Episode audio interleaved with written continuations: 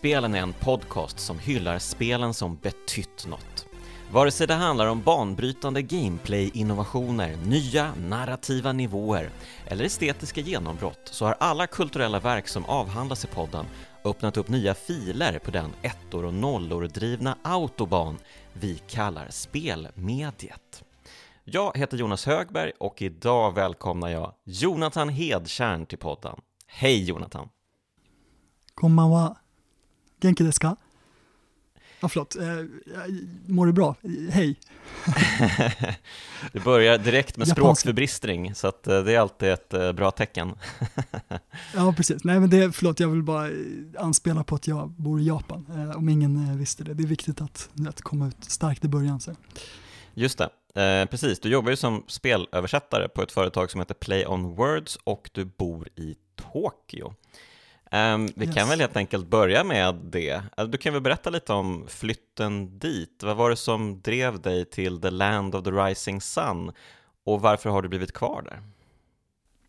Ja, alltså det är svårt att sammanfatta det kort så att säga, men eh, enkelt uttryckt kan man väl säga att det bara var att jag efter gymnasiet eh, ville åka utomlands någonstans och först var det liksom USA jag hade i tankarna och sen så blev det efter många om och men blev det Japan. Um, och sen så drog jag hit när jag var 19, um, 2009 och sen så har jag varit här sen dess. Att nu 2022 mm. och jag har varit tillbaka lite i Sverige. Så, men, men det som drev mig, um, alltså det är svårt att säga, det är sådana här frågor man får hela tiden, men, men jag tror att det har att göra med en kombination av att såklart jag spelade massa spel, um, att jag gillade liksom Ghibli-filmer som alla andra, Um, och att jag gillade liksom Haruki Murakami, så den typen av litteratur. Och, men det var någon, jag vet, alltså, det, det är omöjligt att svara på faktiskt om jag ska vara ärlig. Men um, jag tror att det är samma sak som, av samma anledning som du gillar Japan, som jag antar att du gör.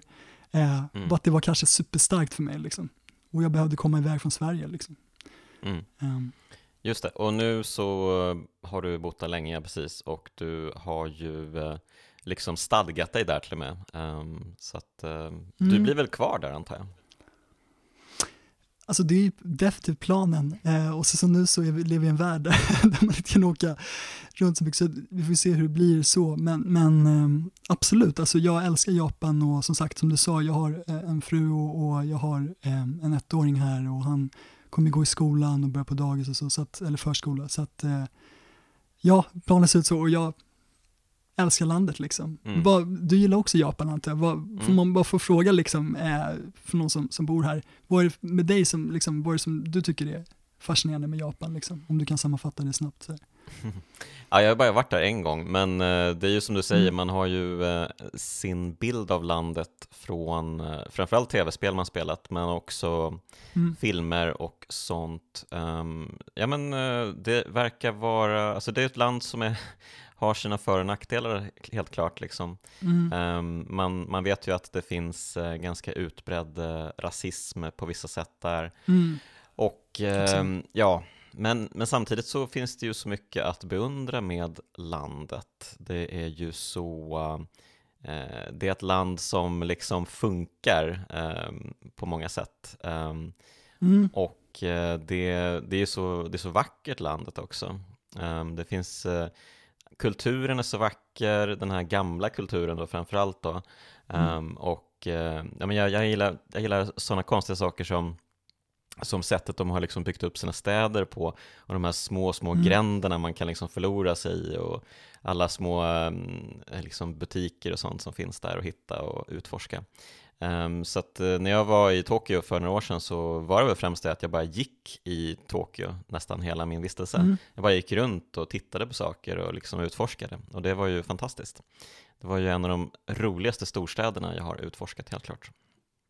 Ja, vad kul att, att säga det, för att grejen att varför jag frågar det är för att du sätter väldigt mycket ord på sånt som är svårt att sätta ord på själv. Alltså, mm. Jag håller med dig i, i det, liksom, det mesta du säger där faktiskt. Och det roliga är att jag gick bara runt nu liksom, eh, på förmiddagen, med, för det, det är kväll nu, eh, med min eh, son liksom, och som du sa, alltså det är liksom man går in, här, vi bor i ett, ska man säga, ja, bostadsområde som är väldigt nära innerstan, eh, men ett bostadsområde. Och det är liksom, man bara kommer till så återvändsgränder och det är liksom, det är så här, vad heter det, byggnader, det är någon kyrka ovanpå liksom, och så bor det folk på så lager, liksom, diagonalt på, så det ser ut som någon så här, alltså det är verkligen en blandning mellan Blade Runner, eh, Midgar och liksom massa olika sådana här grejer man, man fascinerades av mm. när man satt hemma eh, i sitt mycket mindre tätbefolkade Bagarmossen när man var liten. Liksom. Mm. Eh, så att det, som du säger, det, jag, jag, älskar också att bara gå runt och det är faktiskt en av de stora anledningarna till varför jag gillar Japan, att bara gå runt och bara fascineras av, av arkitekturen och hur, hur liksom, det är som en annan värld, en stor labyrint. Alltså i alla fall Tokyo, och sen så har vi Kyoto också såklart som är helt annorlunda och massa olika mm. ställen som... Så att jag, jag håller med mycket av det du säger, så det, är liksom på något sätt kul att höra det utifrån också. Mm. Um, det var därför frågan. Ja men, ja, men eh, härligt. Jag, för några avsnitt sen så pratade vi ju om Shenmue i podden till exempel och där, det utspelar sig ju i en riktig eh, stad eh, i Tokyo mm. eh, som de har liksom byggt upp ganska verklighetstroget egentligen. Eh, och mm. Eh, det, där blev man ju verkligen sugen på att ja, vad underbart mysigt det är här liksom. Och det här stället finns, mm. finns typ på riktigt, de har ju tagit sig friheter och så, men, men ja, så att liksom, det var någon sorts virtuell turism som fick mig att, mm. som fick min kärlek till landet att blomma upp ännu mer, så att det var härligt. Mm. Och jag ska, inte, jag ska verkligen, det här är inte ett avsnitt om Shenmue, men jag vill bara säga att jag tycker att det spelet verkligen fångar väldigt mycket av Japan också. Så att till er som spelar det och som inte har varit i Japan så mycket och så, så jag har varit där det utspelar sig, eh, ettan då. Alltså det är klart att de har tagit sig friheten, men jag tycker ändå att de sätter väldigt mycket finger på, alltså det är ju en japan som har gjort det liksom och japaner som har gjort det, så att det är ett väldigt eh, verklighetstroget spel på det sättet får jag faktiskt säga. Um, mm. Men du, vi kan väl bara säga någonting snabbt också om ditt jobb. Eh, du jobbar ju som mm. översättare, ehm, specifikt yes. spelöversättare. Um, mm. Finns det någonting som liksom särskiljer spelöversättning från andra typer av medier som litteratur och så här filmundertextning och sånt? Uh, oh, extremt bra fråga. Um, ja, alltså jag skulle väl säga att det, liksom, det jag tänker direkt, det jag hört, jag har inte översatt så mycket liksom film och, och litteratur på det sättet. Jag översatte faktiskt en manga från, från eh, svenska till japanska, Åsa Ekström. Mm. Eh, eh, så det var det jag hade gjort innan spelöversättning. Och där är det ju, liksom, om vi tar det som exempel, då har man ju, alltså Åsa Ekström då som är en, en ganska känd mangaförfattare, svensk mangaförfattare i Japan, hon, hon hade gett ut en eh, manga då i Sverige som hon vill ha översatt till japanska. Och då har du ju, till exempel i det fallet, så har du ju tre mangaböcker som du bara sitter liksom och läser igenom medan du liksom översätter det i Excel-ark och så vidare. I spel är det ju ofta att du får Alltså, det är den känslan jag får av, av litteratur och filmöversättningsvärlden, att, att man har liksom en färdig produkt. Mm. I spel är det ofta som att på något sätt att, att um, man översätter innan produkten är färdig och därför bara får liksom löst referensmaterial. Ja. Eh, så det är väldigt mycket att man, man översätter i blindo kan man väl säga. Alltså att man, man ser vad man översätter men man får liksom inte så mycket sammanhang. Så det är väldigt mycket att vara bra på att förstå sammanhanget. Så att det, det är väl det som gör det speciellt, att man, att man översätter lite i blindo. Men, men det är kul ändå. Det är kul ändå. Mm. Tycker du att det finns liksom eh, samma, liksom, eh, vad ska man säga, konstnärliga kvaliteter i spel som det finns i andra liksom, eh, uttryck, konstnärliga uttryck? Har du märkt av det, att det liksom, ja, det här är jättekul att översätta för det är så välskrivet liksom? Ja men alltså det tycker jag absolut att det finns. Um, definitivt, alltså får ju tyvärr inte prata om så mycket översatt men jag kan ta ett exempel, ett spel som jag har översatt faktiskt eh, tillsammans med min chef eh, Andreas Lundgren, eller min kollega kan man också säga. Um, ett spel som heter Wavetail eh, som, kom, som bara finns på stadion nu så vet jag vet, men kommer på konsol. Det är gjort av det här uh, um, Zoink, de här göteborgska utvecklarna. Ah, just det. Um, yes, och det är ett spel som är väldigt så Wind Waker-inspirerat. Uh, och där tyckte jag verkligen att det var liksom väldigt, um, att de hade verkligen tänkt till med storyn, att de liksom försökte få in väldigt mycket så svenska uh, grejer, typ så kantarellskogar och liksom sådana mm. saker. Och, och liksom förmedla en väldigt en fin berättelse, liksom, att de verkligen la ner, lagt ner tid på det. Så att men, men samtidigt är det ju med spel, det är liksom, vi kommer ju prata om det med um, Walking Dead, um, som vi ska prata om idag, att, att det är ju ett annat medium, liksom. det kräver andra saker. Så att, jag tror man får se det lite så, att, att um, vad är konstnärlig kvalitet när det är satt i ett spelmedium? liksom, när det är mm. interaktivitet som styr, kan man verkligen jämföra på samma sätt? Och jag skulle nog säga att svaret är lite nej där faktiskt. Att, att mm. Spelmanusförfattare får jobba på andra sätt, vilket gör att man också som översättare får lära sig att översätta mer, liksom, vad ska man säga, mer saker som folk kanske skulle, skulle hugga, alltså vad heter det, alltså ta bort i, i film och så. Mm. Att mer sådana här små grejer, blä eller liksom aj och sådana där små saker liksom får man översätta mycket. Okej, okay, okej. Okay. Och sen antar jag att det är mycket att uh, spel också behöver guida spelaren och göra vissa saker. Även om det sker i dialog och sånt så är det väl oftast liksom att här är någonting du måste lägga på minnet liksom och så måste man som uh, spelmanusförfattare tänka på det väldigt ofta, att uh, guida spelaren ja. in i spelet liksom. Bra, verkligen bra exempel där att, att det är ju Precis, ju, ju flummigare desto sämre är det ju ofta i många fall. Alltså det behöver inte alltid vara så, det finns jättemånga bra exempel, så, men, men liksom att du ska, du ska vara väldigt tydlig för spelaren och det märker man ju att, att man får översätta liksom mycket manusgrejer som, som du säger, kanske finns där för att liksom visa att det var hit du skulle eller liksom, det här är det uppdraget bara så du inte har glömt det. Och det brukar finnas faktiskt i film också ibland och framförallt kanske längre tv-serier och så, men, mm. men eh, framförallt i spel så är det viktigt så att man inte glömmer bort var man är på väg och så vidare. Så att det, ja men som du vet, spel är ju, det liksom, har andra förutsättningar mm. när det kommer till manus. Men du pratade ju lite om uh, vad vi ska faktiskt uh, diskutera här idag, The Walking Dead, mm. um, spelet som Telltale gjorde.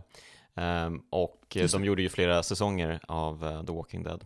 Men det är ju byggt mm. på en uh, serieroman av Robert Kirkman och det, mm. som sen också blev en tv-serie som väl Ja, den packar väl ihop uh, As We Speak, typ. Uh, den har väl sin sista Just säsong det, nu, uh, mm. går väl. Den har mm. ju blivit en extrem långkörare. Um, och uh, själva serieromanen, den packade ihop 2019 och jag tror den startade 2003, mm. så den har ju varit igång väldigt länge. Mm. Uh, men Walking Dead då, som tv-spel betraktat, um, det är det vi mm. ska prata om idag och det utspelar sig liksom i samma värld som de andra två iterationerna. Eh, men mm. har inte egentligen så mycket att göra med de andra två, förutom att det finns en, en eller två karaktärer som liksom passerar revy um, i mm. spelet också. Men det, det, är ju, eh, jag skulle vilja säga att det är överlägset eh, tv-serien. Oh, tack för att du, nu kommer vi få diskutera här. Bra, fortsätt. mm. Underbart. Tv-spelet alltså. Um, och i alla fall i paritet med serieromanen, mm. um, som jag tycker är fantastisk. Mm. Det är bland det bästa som gjorts i serieform. Nice att vi har olika åsikter. Mm. Um, ja, men varför, varför vill du prata om uh, The Walking Dead? Um, tv-spel. Yes, och bara innan vi, jag svarar på det, ska jag bara säga att eh, det kommer, vi bor precis bredvid en räls, så det kommer kanske komma ett tåg liksom, eh, typ eh, var tionde minut, så, så, att man får se det lite som så här, eh, stämningssätt eller någonting. Ja, men vi får lite krydda där på konversationen, bra. Precis, eh, ja, nej men ehm, varför jag valde det eh, är för att faktiskt inte kanske av den anledning man kan tro, alltså man kan tro att det är för att jag bara tyckte, jag blev helt tagen av det. Grejen är att, att Eh, en av anledningarna till varför jag valde det för att jag spelade det eh, när det kom ut, men liksom var inte övertygad av det då. Um, utan mm. jag tänkte så här, men fan, vad, vad, är det som är grejen med det här spelet? Liksom? Varför är det så mm. överdrivet hyllat? Liksom?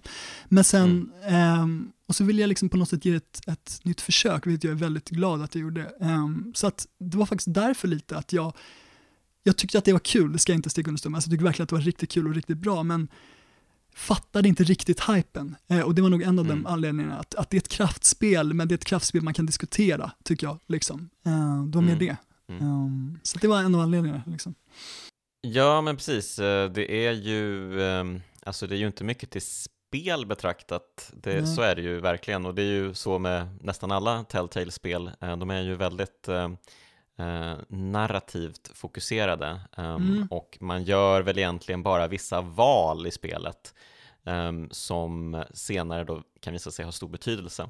Mm. Um, men själva spelmomenten är ju extremt rudimentära, man mm. typ vandrar runt lite i en ett område, eh, man kan klicka på lite saker och så, så det är ju liksom ett klassiskt äventyrsspel, lite uppdaterat med eh, dialogval liksom och mm. eh, riktigt viktiga val.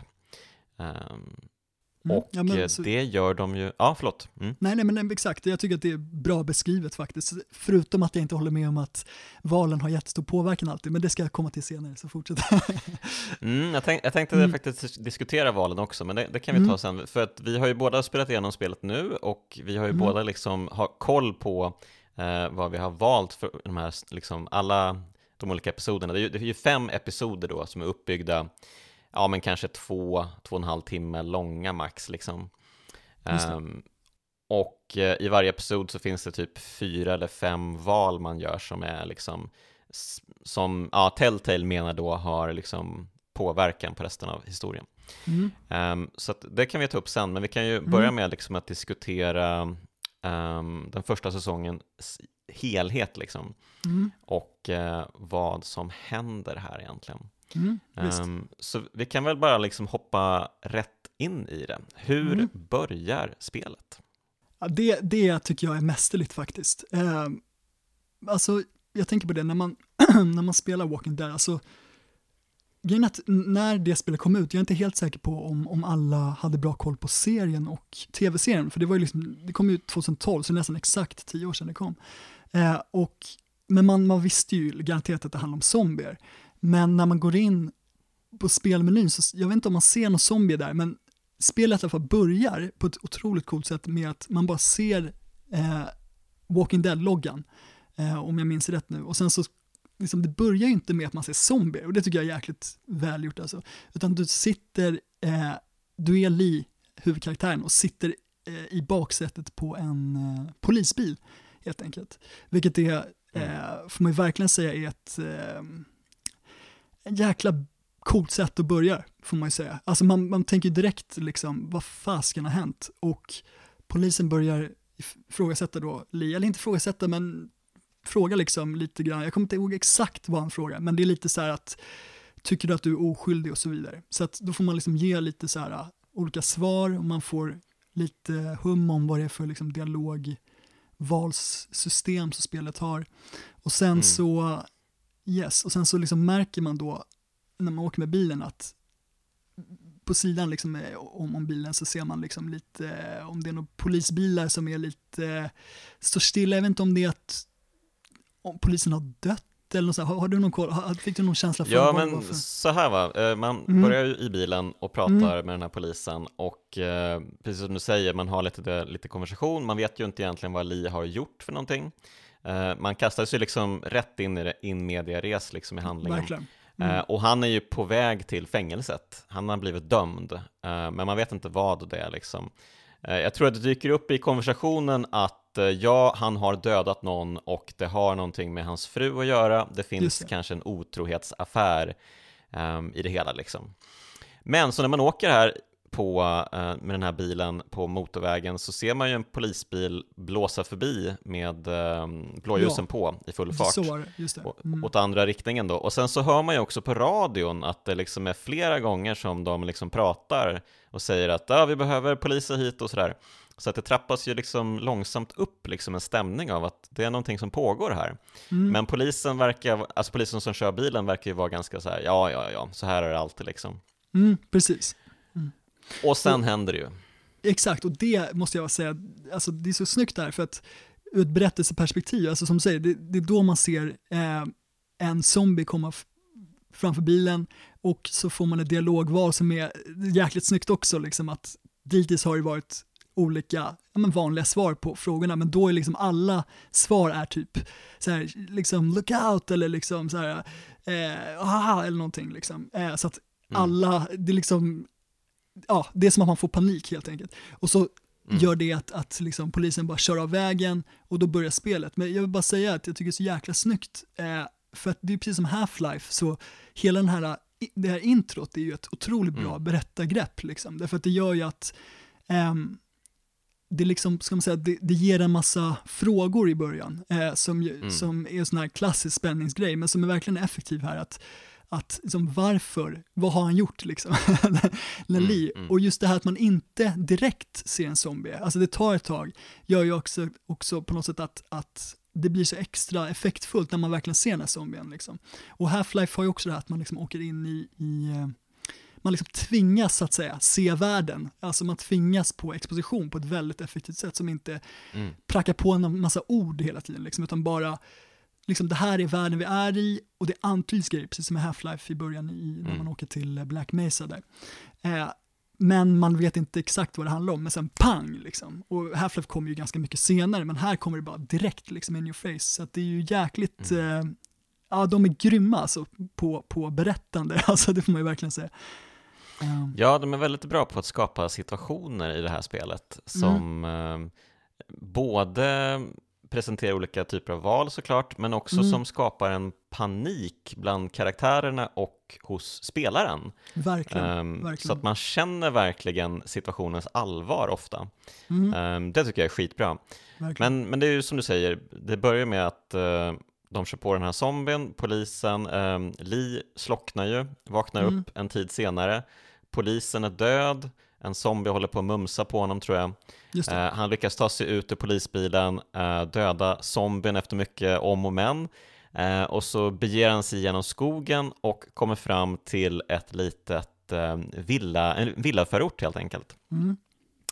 Och det är här då Lee träffar, ja, den andra huvudpersonen mm. i spelet, Clementine. Yes, verkligen. Och, det här och vem är Clementine? Jo, eh, hon, precis, jag, jag, jag eh, kanske inte har exakt koll på exakt alla detaljer, men hon får man väl säga, alltså hon är väl en som har lämnats av sina föräldrar eh, till en, eh, vad ska man säga, eh, någon form av barnvakt eh, om jag förstod det. Jag vet inte riktigt, är hon i barnvaktens hus eller är hon i, i sitt eget hus? jag tror att hon är i sitt eget hus, så man plockar okay. upp en, en ram där och tittar på hennes föräldrar och henne. Just det, just det, för att exakt, och det är viktigt att säga att när man kommer till det här huset så hör man ju på telefonsvararen att, att eh, jag tror det är mamman då som, som liksom först mm. är lugn och bara, ah, men så här, de skulle iväg någonstans och lämna henne som barnvakt och så bara, ah, men typ han har skjutnat in någonting, jag kommer inte ihåg exakt vad de säger, men, men man märker mer med att det, liksom, att det blir panik och sen bara liksom, eh, så fattar man att, att den här liksom, pandemin, man ska säga, eh, i brist på bättre ord, har börjat liksom. Och mm. eh, Clementine är då helt enkelt en, en kvarläm, ett kvarläm, dels kvarlämnade barn som då har gömt sig, om jag förstod rätt, i en träkoja. Eh, och ja. på något sätt, jag vet inte om det antyds att hon har liksom på något sätt försvarat sig från zombies som har kommit dit eller om hon liksom bara har gömt sig där. Ha, vet du om hon har blivit liksom anlitad? Ja, men hon, säger väl, hon säger väl sen att hon har gömt sig i träkojan typ hela tiden och mm. att det kom en människa, en riktig människa då dit och försökte få ner henne från kojan men att hon Aha, vägrade okay. liksom för att hon tyckte att han var läbbig. Eh, och han Just var väl inne och typ ransackade huset. Men, eh, men mm. Li får ju hjälp av henne med att ta koll på barnvakten då, som är en zombie. Mm. Um, och eh, ja, så möts de då och Li, ja, han, han möter upp med situationens allvar och bestämmer sig för att ta Clementine under sin, eh, vad säger man, sin kappa? Nej, vad säger man? Sina vingar eller vad man ska säga. Men det vingar kanske, säger man ju, precis. precis man kanske säger lite mer arbetsmässigt, men, men jo men exakt, sina vingar. Han, han, um, han precis. vi skyddar henne helt enkelt. Ja. Och då kan man ju, då får man ett val om man vill gå därifrån när det är ljust eller mörkt. Jag valde när det var ljust. Um, och eh, oavsett så dyker man väl upp till slut på, man, det kommer ju ett, eh, man stöter ju på ett gäng typer som har en bil som försöker få igång den liksom. Just så där får man ju skjuts med dem till en bondgård. Mm. Och här träffar man ju några andra av den här säsongens ehm, eh, stora mainstay-karaktärer. Yes. Eh, man träffar ju framförallt Kenny yes. och hans familj, Katja mm. och Duck, sonen mm. Duck. Och catcha frun till Kenny. Eh, och Kenny kommer ju vara med oss hela eh, säsongen. Mm. Mm. Eh, oavsett vad man än gör liksom, så kommer Kenny alltid finnas där. Och det är ju mycket, alltså jag skulle vilja säga så här att mycket av eh, de skrivna valen och eh, um, liksom handlingen som sådan, den går ju mycket ut på att förhålla sig till det Kenny gör och mm. försöka liksom stävja hans, för han är ju ganska, alltså han är ju jätteintressant karaktär Kenny tycker jag. Mm. Han, han är ju, han vill ju såklart väl, men han sätter alltid sin familj i första rummet, så mm. oavsett hur bussig man är mot honom så kan man aldrig liksom bli eh, riktigt kompis för att han har alltid sin, sin familj de är yes. nummer ett liksom, oavsett. Och, och, och, han är lite så här, lite redneck-aktig, men inte ja. liksom full-blown, inte alls. Uh, han säger något halvrasistiskt till Lee i andra avsnittet eller så. Ja, vad det? Det? Är lite, det är lite skämtsamt också. Vad var det för Du får, du får gärna berätta, för jag, jag, tror jag missade det. Jag vet ju att eh, kommer senare, pappan till en karaktär säger ju rent rasistiska saker, men just det, det var ju någonting han säger där som, som Lee liksom kommenterar på. Minns du ungefär mm. vad det var? Eller? Ja, men det handlar ju då om att uh, man ska lockpicka någonting. Ja, och ja, då, det är det där. Då, då, säger, då okay. säger ju Kenny direkt att uh, ja, men uh, du kan väl det. Just liksom. det, just det. Han antyder att alla svarta människor kan det för att, att de är skurkar typ. Just det. Just um, och då tycker, ja men då blir ju Lee arg såklart. Um, ja. Men, men det är väl det enda riktigt så flagranta exemplet på det eh, som ja. dyker upp. Annars, annars så är han väl ganska level-headed, eh, Kenny. Mm. Och eh, han, han liksom, men han blir ju arg ganska ofta, han har ju lite problem med temperamentet.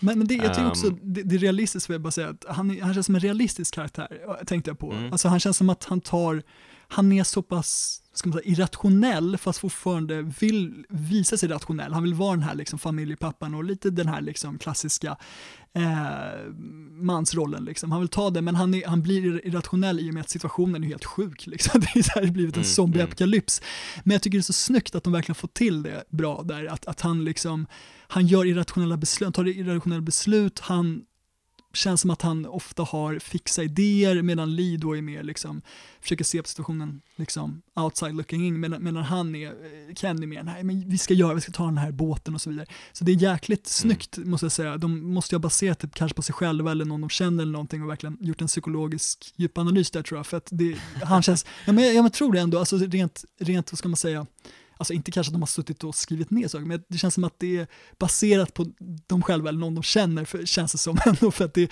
det är så otroligt eh, mänskligt tycker jag, det han gör. Eh, mm. Det är min känsla. Ja, nej, men eh, en, en, sannoliken, jag skulle nog säga att det är den mest intressanta karaktären i, mm. i hela den här säsongen. Mm. Um, sen finns det någonting att säga också om relationen mellan Lee och Clementine, men det kan vi komma till lite senare tycker jag. Mm, absolut. Um, Ja, men vi kommer ju till den här bondgården um, och här får man ju göra um, två val som sen dyker upp i det här liksom uh, facitet när man är klar med första kapitlet. Liksom. Uh, dels om man väljer att ljuga för um, den här bondgårdens, hu alltså husbonden helt enkelt. Vem man är och han märker direkt om man ljuger, så att uh, det är ett dåligt val helt enkelt. Just, just. Men det har, det har liksom inte så mycket påverkan på någonting, eh, just det valet. Um, men däremot så har det mer påverkan än andra valet när man då uh, får mm. chansen att rädda antingen bondens son eller Kennys son Duck. Bondens son är ju fullvuxen och Duck är kanske, men han är ju Clementines ålder, 8-9 någonting. Och, och, och, um, och då tänk, ja förlåt. Mm. Nej, nej, nej, nej, fortsätt, fortsätt. Jag... Ja, men då, då, tänker man ju såklart, um, bondens son är fullvuxen. Eh, Kennys son är liten. Självklart mm. måste jag rädda den lilla eh, pojken. Um, och det ser man ju också att det är väl liksom, jag tror att det är klar, um, klart, klar övervikt för de som räddar Duck. Um, mm. Vill jag minnas i alla fall. Ja. Nej, det roliga är att det faktiskt inte är det enligt, det här är jättekonstigt för att på, i din statistik står det att det är 30%, du och 30% av spelarna valde ah, Duck och i min statistik står det att jag och 52% av spelarna valde Duck. Så jag, jag, är inte helt säker på hur de räknar. Jag är i Japan så det kanske är att, att, att det är liksom mm. Japans statistik versus svensk. Men, men uh, i din står det faktiskt att det bara var 30% som valde Duck. Ja, men det där tänkte jag också på, uh, för vi mm. har ju liksom olika grejer på vissa saker. Jag, jag såg det. Mm. Um, men du, spelade du på Playstation eller på Xbox? Jag spelade den här Definitive Edition på Playstation 5 då, eller Playstation 4-versionen mm. då. Jag spelade på Xbox, jag undrar om de har liksom separata mm. um, sådana. För network, um, nätverken där, det, så kan det absolut vara. Mm. Ja, men det borde vara så. Um, och då är det ju intressant att Verkligen. det kan skilja så mycket. Verkligen. ja, alltså jag, jag, förstår ju att folk liksom, för Duck är ju lite irriterande. Um, jag undrar om det spelar in det här, för att ja. man har ju haft väldigt lite tid att liksom bekanta sig med Duck här ändå. Ja, man faktiskt. tycker ju att det är lite märkligt, men jag, jag tänker att de flesta tänker väl så här liksom överlevnadsmässigt så är det mm. mycket bättre om bondens son överlever, för han är en fullvuxen människa och kan hjälpa till att uh, försvara. Mm. Medan Duck, han är ju bara en, liksom en liability. Uh, um, jag har ett litet teori. Uh, visst är Sean, visst är han en zombie i serien? om jag har förstått det rätt. Alltså, jag, om, jag, jag har läst serien, alltså på Nära Merhursts eh, bondgård. för att det är ju en, en, det är taget från serien. Om jag förstod det rätt så Sean är redan biten i den tecknade serien. Ja. Så, ja, så menar... då är det, det är ganska smart, därför att då, kan, då kanske det är så att de faktiskt har tänkt att, aha, nu kan vi rädda Sean från att bli biten, så att nu kan vi liksom ändra den tecknade ja, serien. Det skulle kunna, jag säger inte att det, det, är så, för man, man kan inte rädda honom, men nu, nu går händelserna i förväg. Men eh, jag tänker att det skulle kunna vara en sån grej, att, att de tänker att nu får spelaren känna att ah, nu kommer jag kunna påverka liksom Lauren, så att säga. Um, mm. Skulle kunna vara det. Ja, men Precis. Um, om man väljer att rädda Sean så räddar man ju inte Sean, han blir biten i alla fall, men han blir liksom inte fullständigt uppäten av zombierna. Nej, precis. Um, och jag tror att Kenny räddar väl Duck oavsett, men då har man ju gjort sig ovän med Kenny. Just det, och det vill precis. man ju inte. Det är ju inte bra. Nej, precis, men det är svårt det där, eh, för jag för mig att när man räddar, för du menar när man räddar Sean så blir, så blir Kenny arg va? Det är det du menar va? Eller? Ja, precis. Ja. Han tycker ju att det är fullständigt uh, barockt att man inte går till Ducks undsättning liksom. Men, men han är väl inte jättetacksam om man räddar Duck heller har jag för mig. Han är typ så halvsur nej, nej. också. nej men precis, men, men man har ju ändå liksom, man har ju börjat där, man har ju sått ett frö till en vänskap med Kenny. För det är ju väldigt svårt att komma liksom på Kennys goda sida. Ja, det är um, verkligen svårt. Mm. Ehm, ja, men eh, precis, och eh, det blir i alla fall så att eh, bonden schasar ut alla som, som har kommit dit och fått ehm, tak över huvudet. han vill inte ha något med dem att göra nu när hans son är biten och ehm, död.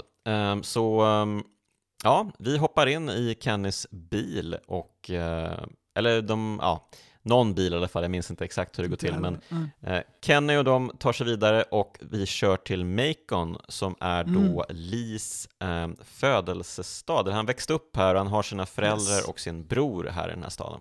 Just det. Och eh, ja, de går väl runt på gatorna, det är lugnt och skönt, men så plötsligt kommer zombierna i stora antal och de drivs att springa in i eh, ja, vad är det? Det är väl en sorts eh, butik apotek. av något slag. Det vill säga apotek i USA slash Japan stil, alltså att det är liksom apotek mm. fast det finns, de säljer typ glass och i Japan säljer de alkohol och så också, men eh, det är mm. väl liksom den typen av eh, drugstore, för mig att de kallar det, jag minns inte jag för mig att de kallar det för drugstore. Ja.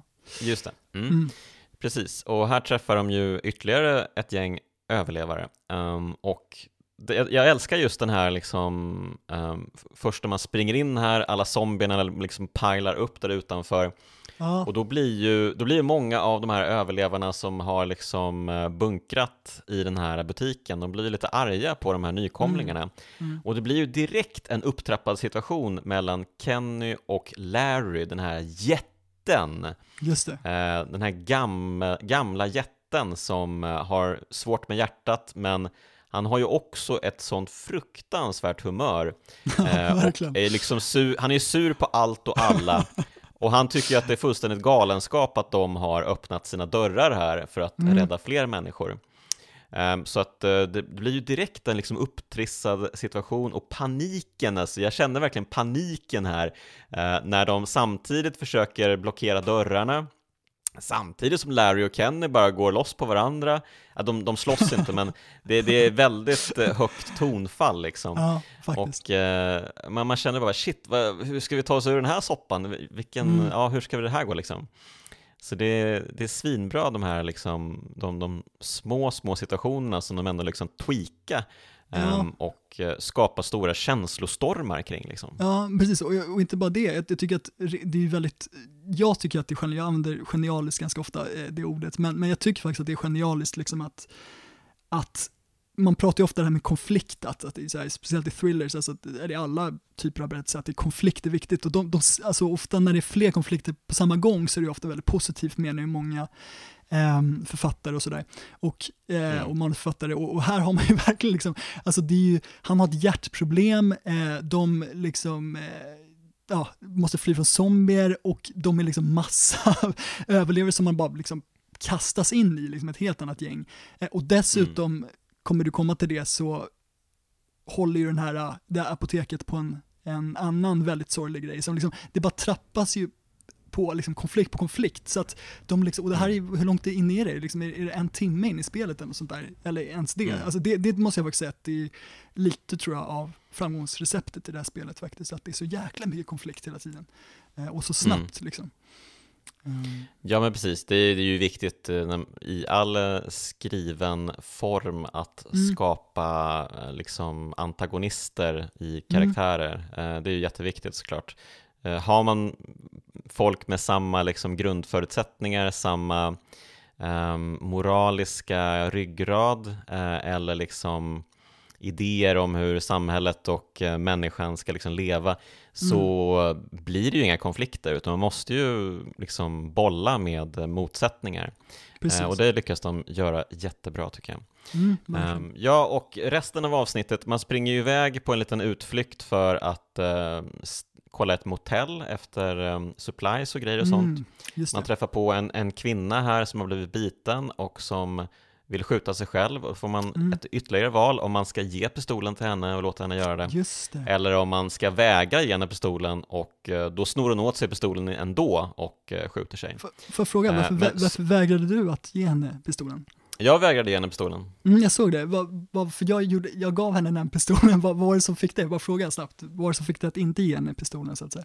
Vad var det du kände liksom att Ja, alltså jag, jag, kände väl mest, eh, för jag förstod ju, ja du kommer dö absolut. Um, men jag tänkte väl också lite så här logiskt, vi hade ju jobbat så hårt för att undvika att uh, avfyra pistolen. Mm. Det är ju det man gör, man, man smyger runt på det här motellet och eh, liksom plockar zombies med olika tillhyggen och grejer och så.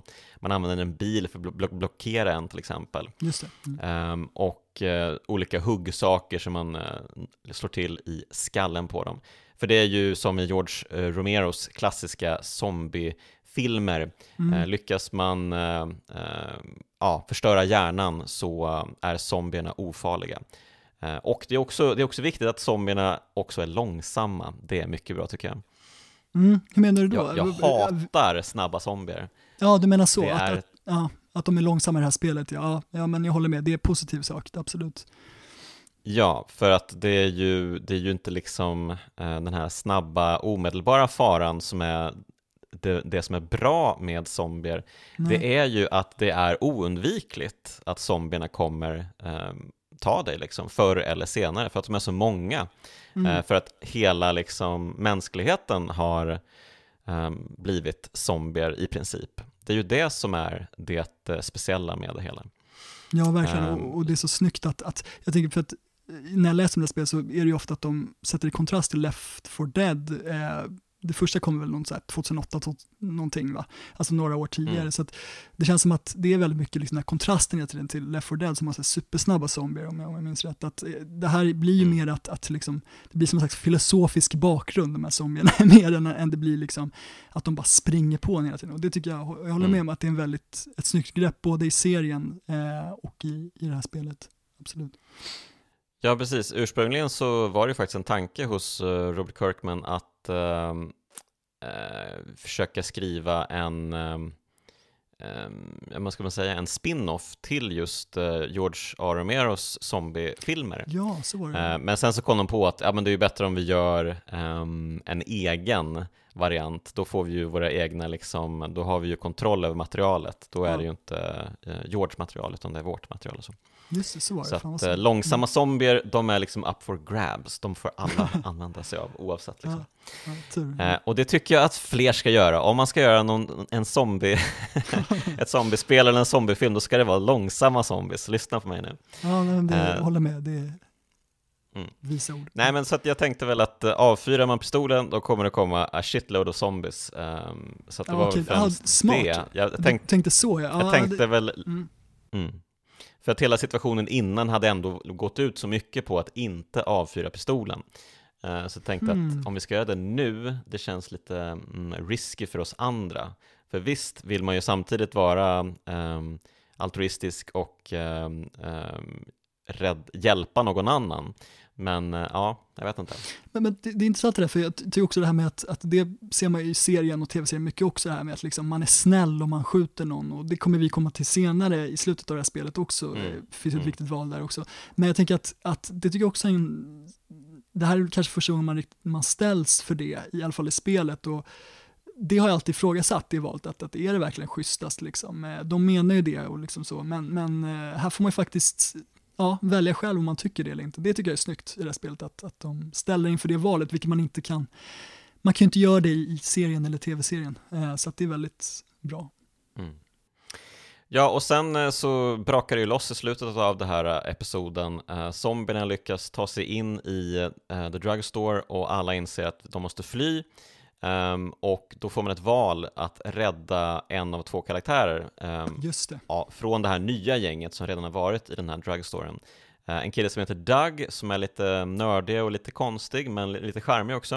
Mm. Eller Carly, en nyhetsreporter som verkligen har um, ja, men, uh, hon verkar väldigt skärpt, smart mm. och kanske finns det någon liten gnista ja. mellan henne och Lee också. Så ja, att här verkar verkar, alltså det är ju, det är ju roligt när man tittar på de här valen i efterhand, för det är ofta liksom extremt jämnt mellan valen. Mm, mm. Um, och ja, det är jag och 48% av spelarna valde att rädda Carly på Xbox då. Hur var det för dig? 49 procent, eh, jag valde också Carly och jag 49 procent. Men tydligen så enligt, eh, jag kollade Telltale dokumentärer, de trodde ju att folk skulle välja Dag, om jag minns rätt, eh, ta mig inte på orden här, men, men och sen att de fattade att oj, liksom, eh, Carly, eh, de, eller de, kanske att de trodde att fler skulle välja Dag om man säger så, eh, men att de fattade att oj, okej, okay, det var så många som gillade Carly också.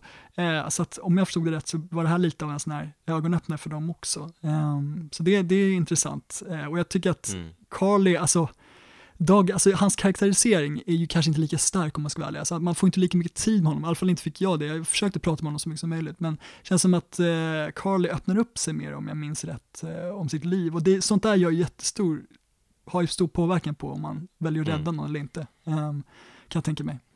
Um. Ja, jag vet inte. Man, man kan ju prata lite med Doug när man står utanför drugstoren mm. framför de här liksom um, Eh, vad kallar man det? Alltså det är ju en grind helt enkelt. Eh, innan man kommer in i drugstoren så kan man ju stå utanför drugstoren men vara liksom fri från zombier. Eh, mm. Men man kan titta på allting som pågår ute på gatan. Så man kan ju sitta och prata med honom lite där. Och där mm. springer man ju ut och eh, hämtar en, eh, en nyckel till drugstoren för att eh, komma in och hämta penicillin, tror jag det är. Eller nej, hjärtmedicin, för Larry har ju fått en mindre attack där mot hjärtat och han behöver ju sina nitroglycerin-tabletter för hjärtat tror jag. Um, och, uh, men då, det är ju uh, det är ju Lis bror som har nyckeln, mm. för det är ju hans föräldrar som äger den här drugstoren. Precis, som um, om ehm. inte resten vore nog så har vi även att hans föräldrar Det är ju så sjukt ja. eh, tragiskt så det inte finns på världskartan. Alltså det, ja. Ja, eh, jag vet inte, kan man hitta hans föräldrar? Jag hittade inte dem alls. Man hittar ju liksom spår av att de hade eh, Nej. kamperat där, men Ja, jag tror att de är försvunna. Jag tror, precis när du säger, jag, jag för mig att man kan hitta dem, men det gör man inte, nej, utan det är spår. Och det är snyggt, det är jäkligt snyggt antytt får man säga. Så det hade kanske varit svårare ja. att bara se två lik. De, de kom, det är mer sådana bilder senare i spelet, men kanske att de tyckte att det var lite lite för brutalt i början där, att se föräldrarna slaktade. Um, men nej, men det är ja, men man, man, behöver inte heller stava ut allting, man förstår nej. ju själv, ja, de är döda liksom, med 99% säkerhet liksom. Mm. Um, och, uh, men brorsan är ju zombie och då får man ju uh, välja om man vill döda honom, men det tror jag man måste för att hämta nyckeln, annars blir man väl biten av honom tror jag. Jag, um, tror jag kollade om man kunde, så man har ju någon yxa för mig som man ska hugga honom med. för mig att jag kollade om man kunde liksom slå yxan på något annat ställe, men för mig att man inte kunde det. Man, man kunde bara mm. slå honom i huvudet liksom, eller vad det nu var. Just det. Um, mm. Ja, men de lyckas fly då och uh, de uh, sätter upp ett nytt uh, läger då i det här motellet som de var tidigare och mm. där man fick valet att ge pistolen till den här kvinnan som var biten. och där börjar vi då i episod två. Vi kanske får speeda upp lite här, jag känner att det... Ja, vi får speeda, speeda upp lite. Jag vill bara säga, och, nu sa att vi ska speeda upp, men jag vill bara säga att eh, en viktig karaktär från, från framförallt tv-serien och serien eh, Eh, oh, nu har jag glömt hans namn bara för det. Eh, hjälp mig här. Eh, det är en superviktig karaktär. Glenn är ju med i första episoden, det är kanske värt att nämna bara. Eh, mm, han dyker upp där. Mm, han är superviktig, eh, så att, men han försvinner sen i, episod, i slutet av episod ett om jag minns rätt. Yes, mm. men vi speedar upp. Ja, och i andra avsnittet då, det är ju kanske möjligtvis, ja men ett favoritavsnitt i alla fall får man ju säga. Um, ja, fasiken bra. Ja, det är, ja men det är nog det bästa i, i hela liksom, ja, den här första säsongen. Um, för det är ju kannibalism inblandat, det, det blir alltid mm. intressant. Um, och ja, uh, det finns, uh, ja men det är så välskrivet här, det är så himla välskrivet. Verkligen, verkligen. Alltså det börjar med att man är ute i skogen och eh, letar supplies och så dyker det upp några fler överlevare. Det är en, det är en snubbe som har fått uh, benet i en björnsax, de får inte upp den. Och så får man ett nytt val då, ska man hugga av benet? Um, mm. Och uh, ja, um, det kände jag var självklart, uh, så jag fick ju med mig honom um, mm. tillbaka då, men det ja, han dog väl av förblödning för mig då och eh, så blev han zombie ganska snabbt eh, därpå. Och eh, då får alla liksom veta att jaha, det är så att alla blir zombies när de dör oavsett om de har blivit biten av en zombie eller ej. Mm. Så oavsett hur man än dör i den här nya världen så kommer man att bli en zombie. Om man då inte fått en kula i huvudet eller dylikt. Och, och här, det här är ett av ställena jag bara säga snabbt att, att jag minns väldigt väl från första säsongen att eh, det är ju att, att man, om jag förstod det rätt, alltså man kan ju välja att hugga av honom, om, honom eh, benet, men jag får mig att det är liksom här är också ett sånt val som, det är liksom, hur man än gör så kommer man inte kunna rädda honom. Mm. Eller just man, just man räddade ju honom såklart. Jag, jag, jag högg också av benet och han, man räddade ju honom tillfälligt så att säga. Men jag får med att första gången jag spelade spelet, eller jag minns att första gången jag spelade, så, så lyckades jag inte hugga av hans, hans ben. Och då Jaha. blir det så jäkla snyggt, för då, då sitter han och bara skriker så här, liksom help me, help me, så kommer zombie och så bara bang, säsong, eller vet du det, episode 2. Och det är så sjukt snyggt alltså. Det är verkligen ett, ett så här otroligt välregisserat eh, ställe. Alltså där, mm. där jag bara liksom minns liksom som att jag aldrig sett det i ett spel någonsin tidigare. Att det här med att oj, mina val har gjort att den här stubben eh, liksom sitter kvar den här rävsaxen och, eller björnsaxen och, och så börjar spelet bara. Det, det tyckte jag var så här, wow, liksom. jag, jag är ju sämst, liksom. Eh, alltså en dålig människa. Och det, alltså, det, det lyckades med det, det det ville ju och det tycker jag är otroligt snyggt. Alltså. Mm. Ja, nej men eh, det är, ju, det är ju ett val som kanske inte har så jättestor bäring på, på liksom handlingen som sådan, men, men jag tycker ju det viktiga med alla valen egentligen, det är ju mer kring vad man vill vara för slags människa i spelet. Ja, precis. Det, det är inte alltid det handlar om att ja, gör jag A eller B för att vinna? Nej, Nej. Det, det, är inte det de här valen går ut på. Utan Nej. det kommer hända olika saker. De är väl likvärdiga på vissa sätt. Ibland, vissa kanske är bättre, vissa kanske är sämre. Men nästan alltid så handlar det mest om vem man själv vill porträttera sig om i det här spelet. Vem ja, den här Li som man spelar som ska vara för människa. Och det tycker jag är mm. jätteintressant. Um, Verkligen. Det, och det är ju det som, alltså, tycker jag är det som gör spelet bra. Liksom, och, och, det blir en jättelång diskussion vi ska gå in på alltså, exakt hur mycket val har betydelse och så vidare och jag vet inte om vi gör det sen, men jag vill bara säga att, att jag håller med dig helt där att, att någonstans så i slutändan så är det att man ska liksom kunna se tillbaka på sina egna val eh, och som människa tänka är jag, alltså var det rätt av mig att göra så här? Inte om mm. det faktiskt har en påverkan, utan om man kan kunna se sin partner som sitter bredvid en i soffan i ögonen och se liksom, ja. eh, var det rätt av mig? Och, och det, det, tycker jag, det får en att diskutera liksom, eh, saker och ting och det är det här som är styrkan med spelet, absolut. Ja, eh, precis. Jag spelade ju de flesta av episoderna tillsammans med min eh, flickvän Cecilia mm. och eh, det var någon gång i avsnitt fyra eller någonting, hon, hon säger aldrig någonting jag ska välja utan jag får göra allting själv liksom. Mm. Eh, men det var någon gång som hon bara, du väljer nästan alltid samma som jag vill välja. Så ah, att, det, nice. det, det, kändes ju härligt att um, she got my back. Ja, det är um, skönt. Bra att veta. Bra att veta. Ja. Men hur som helst, de får ju besök då på motellet av ett gäng från en liten bondgård som, de har ju verkligen just skaffat det, sig en idyllisk setup, för de har ju ett fantastiskt liksom eh, elektriskt eh, stängsel runt hela bondgården ja. som är liksom perfekt. Det är, zombierna kan inte komma in, de blir grillade eh, och andra eh, kan ju inte komma in heller då, men så det finns ju liksom ett, ett, eh, vad ska man säga, ett rövgäng i skogen med eh, riktiga banditer och sånt som, ja. som eh, ja, de, de skjuter ju pilbåge och allt möjligt och ja. verkar vara riktiga assholes på, på liksom det stora hela som mm. de har handlat lite med. Men de här typerna på bondgården, det är då två söner och deras mamma, fullvuxna mm. söner och deras mamma som, ja men de bor där och har det gött och nu så undrar de om gänget på motellet kan tänka sig att byta lite bensin för så. de måste ju ha bensin till det här elektriska stängslet. Så kan de få lite mat i utbyte. Och alla är ju utsvultna. Bara wow vilken bra idé! Vi kommer dit. Ja vi mm. kanske till och med kan få bo här. Oj oj oj vilket fantastiskt place. Alltså det är så idylliskt och fint och vackert och det är solsken och vackert väder.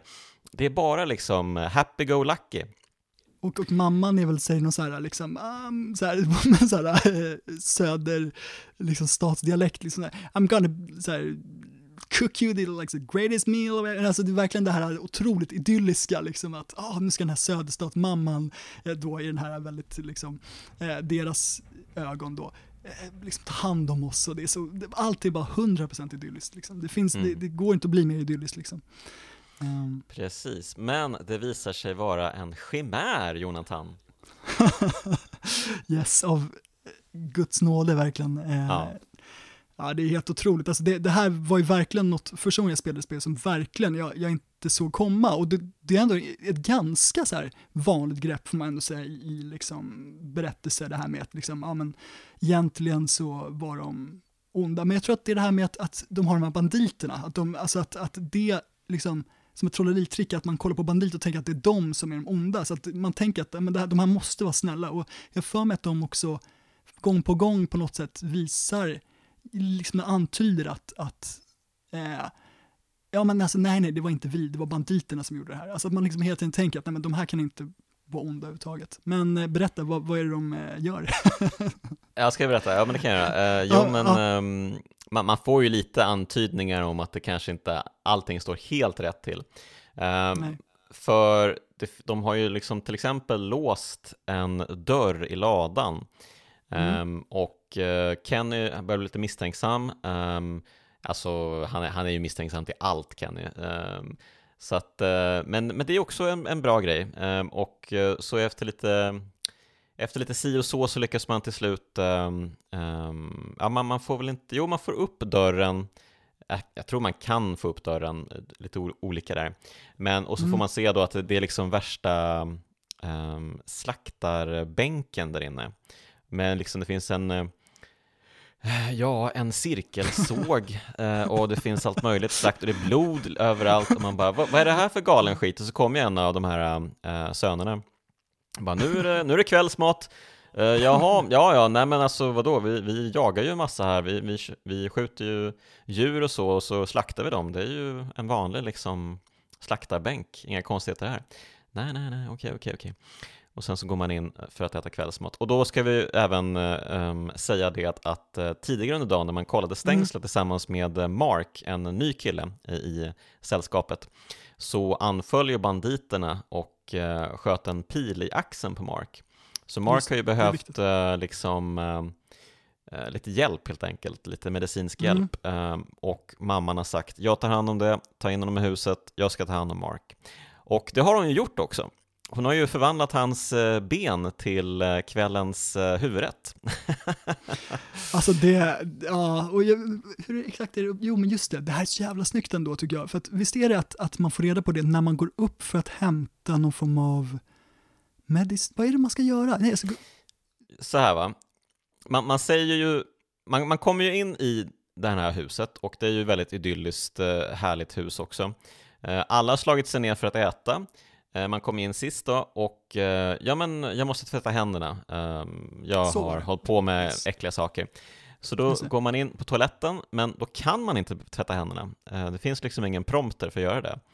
För Nej. att det finns ju någonting i Lis huvud om att allt inte står rätt till här. Var är Mark någonstans? Jag måste undersöka. Så han smyger upp för trappan, upptäcker att det finns ett hemligt rum där Mark ligger med ben avsågade eh, och bara ät inte middagen. men, men det, här är, det här är viktigt att säga också för att man ser honom och då får man liksom, då ska man eh, om det är något QTE, QTE-event eller något, man ska springa ner. Och det tycker jag är så mm. jäkla snyggt. Och eh, man bara liksom, bara det, blodet pumpar, det är bara någon sån klocka liksom som tickar ner någonting. Och så springer man ner och så liksom får man då olika dialogval. Eh, och man ska liksom hinna säga till Clementine att ät inte det här liksom. Eh, mm. Det är en av dialogvalen. Och det tycker jag är så jäkla snyggt det här med liksom att, att det inte bara händer att oh shit, de var kannibaler, utan man faktiskt måste liksom eh, hinna säga till Clementine att ät inte det här. Alltså det, det, att kombinera det här, hans liksom kärlek för Clementine med det är väldigt snyggt för, för att säga. Um, mm. Att de har sammanfört det väldigt snyggt på det sättet. Ja, och eh, jag tycker att hela den här scenen vid middagen är väldigt bra för att de blir ju inte direkt så här, alltså direkt antagonistiska, eh, de här Nej, um, mamman och sönerna, utan de försöker förklara rationellt varför de gör så här. Mm. Jag bara, ja det är en ny världsordning eller liksom, eh, ja, och sådär. Och eh, de andra bara, shit, vad ska vi göra nu? Och det blir en väldigt så här spänd situation. Man vet att, mm. att vi är ju fler än er, men ändå så, ja, de har ju vapen och lyckas väl utmanövrera dem. Och Lee blir knockad, vaknar upp, eh, då är de inlåsta eh, någonstans. Um, han, Larry, eh, Lily som är Larrys dotter, och Kenny och Clementine. Um, och här händer ju också en helt sjuk scen. Ja, det finns så många sjuka scener i det här avsnittet. Det här är alltså. sjukt alltså. Men det här är ju sjukt alltså. Det var, för det här tänker man ju, det som är så snyggt här är ju att man tänker att det här, här, det här kan ju inte bli värre än vad det är. Det här är ju helt sjukt liksom. Mm, då, mm. då drar man in en, en, ett till liksom S i skjortärmen, liksom, eh, skjortärmen. Då är det ju liksom att, eh, då menar ju då Just det, för Larry eh, börjar verkligen då få ont i bröstet eh, och då mm. menar Kenny att men shit, snubben kommer ju dö liksom. Och vi är inlåst med honom, han kommer ju bli zombie. Eh, mm. Så att liksom, vi måste ju döda honom. Eh, och då så, eh, minns du exakt hur det är då? Då kan man alltså välja och säga till Kenny att ja, vi ska döda honom, eller minns du om det fanns något sånt val? Precis, där, uh, det är ju så att antingen mm. så hjälper man Larry eller så säger man nej Larry, uh, vi måste hjälpa, uh, eller nej Just Kenny, vi måste hjälpa Larry och väljer att um, ja, men hjälpa Lily med, um, man gör väl hjärträddning, eller vad säger man, CPR på Larry och precis när man precis när man håller på med det, då kommer ju Kenny med ett gigantiskt saltblock ah, eh, och, bara, och bara mosar Larrys huvud. Helt det är bland det sjukaste scen, scenen jag sett alltså. Ja, faktiskt. Det, det, är verkligen sånt där, ja, det, där blir så här, det måste ju liksom ha chockerat de allra flesta som kör det här spelet, liksom att man tänker att det inte kan bli värre än vad det är, liksom. Eh, och sen så ser man det och då, då fattar man, aha, okej, okay, det här är någonting speciellt, det här Walking Dead, liksom. då fattar man att okay, det här är någonting som man inte har sett i spel tidigare, det här liksom, inte bara att, att många val styr vad, vad, som händer, men också att, att eh, de tar den här liksom sjukheten till en ny nivå, det tycker jag absolut att spelet gör. Uh, ja, det är en sjuk scen. Absolut. Mm, och, eh, ja, men, och sen då så lyckas man ju ta sig ut, man lyckas uh, få upp Clementine genom en ventilationsgrej. Hon blir ju chockad för hon hamnar i det här motorsågsmassakern-rummet där de har liksom skurit upp folk man hör, man, man spelar ju hela tiden som eh, Li, man spelar ju aldrig som någon annan. Nej. Vilket jag också tycker är en fin eh, effekt, så mm. det blir ju verkligen Lis historia det här. Så man hör bara när hon liksom, ah, nu, nu hoppar hon ner någonstans och så hör man hur hon hickar till.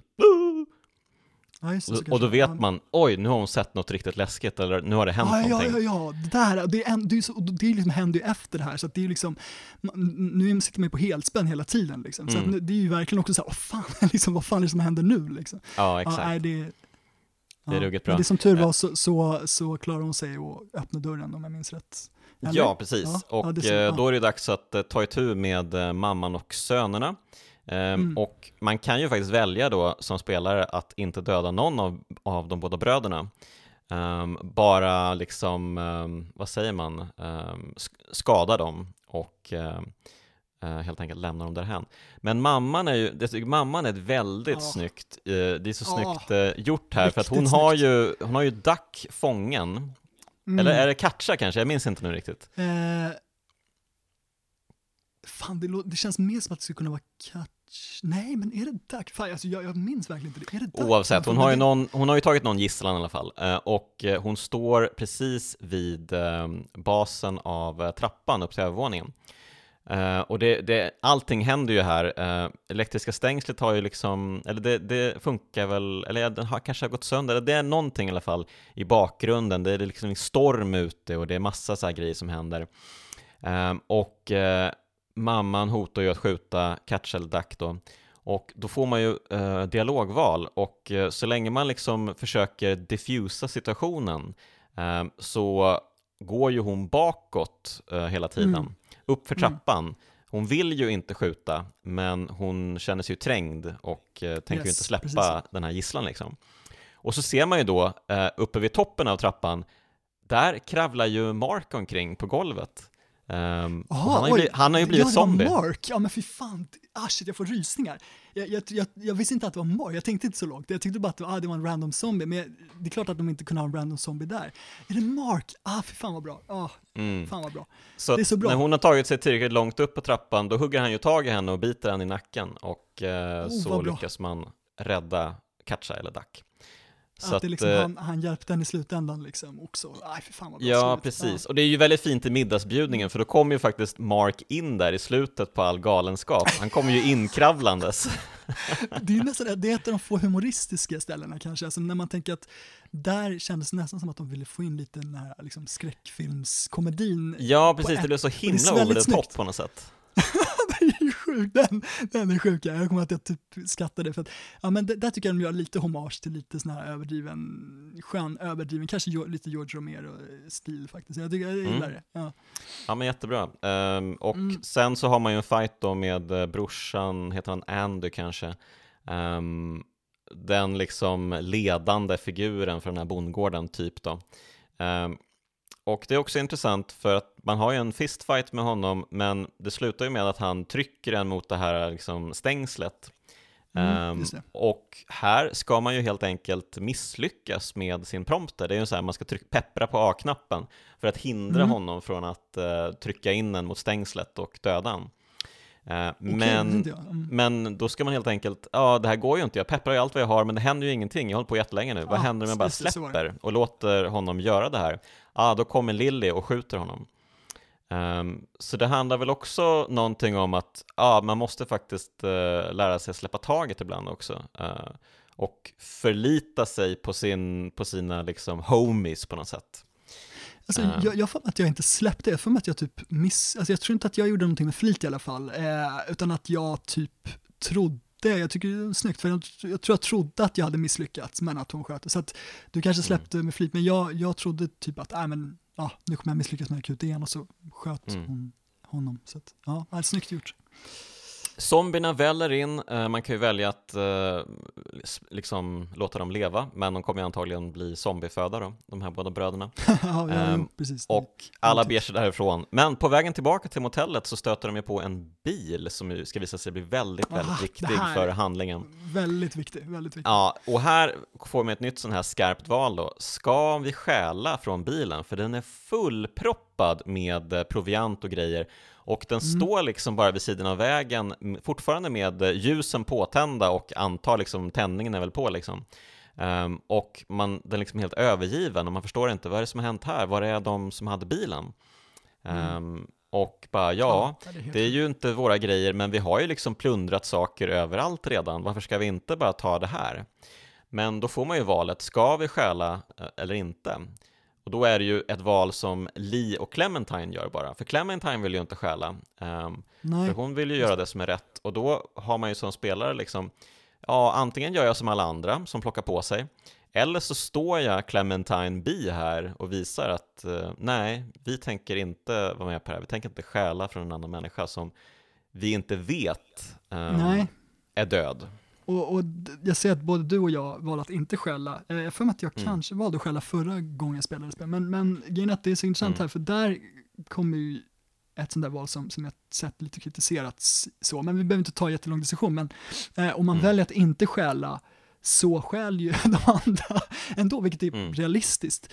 Men kanske en sån här första antydan på att hmm, har mina val det, det storymässiga, liksom, den storymässiga påverkan jag Nej, trodde. men- Det är lite, lite så kände jag när jag spelade, men fan, det händer ju ingenting typ. Men det kanske är realistiskt, det beror på hur man ser det. Ja.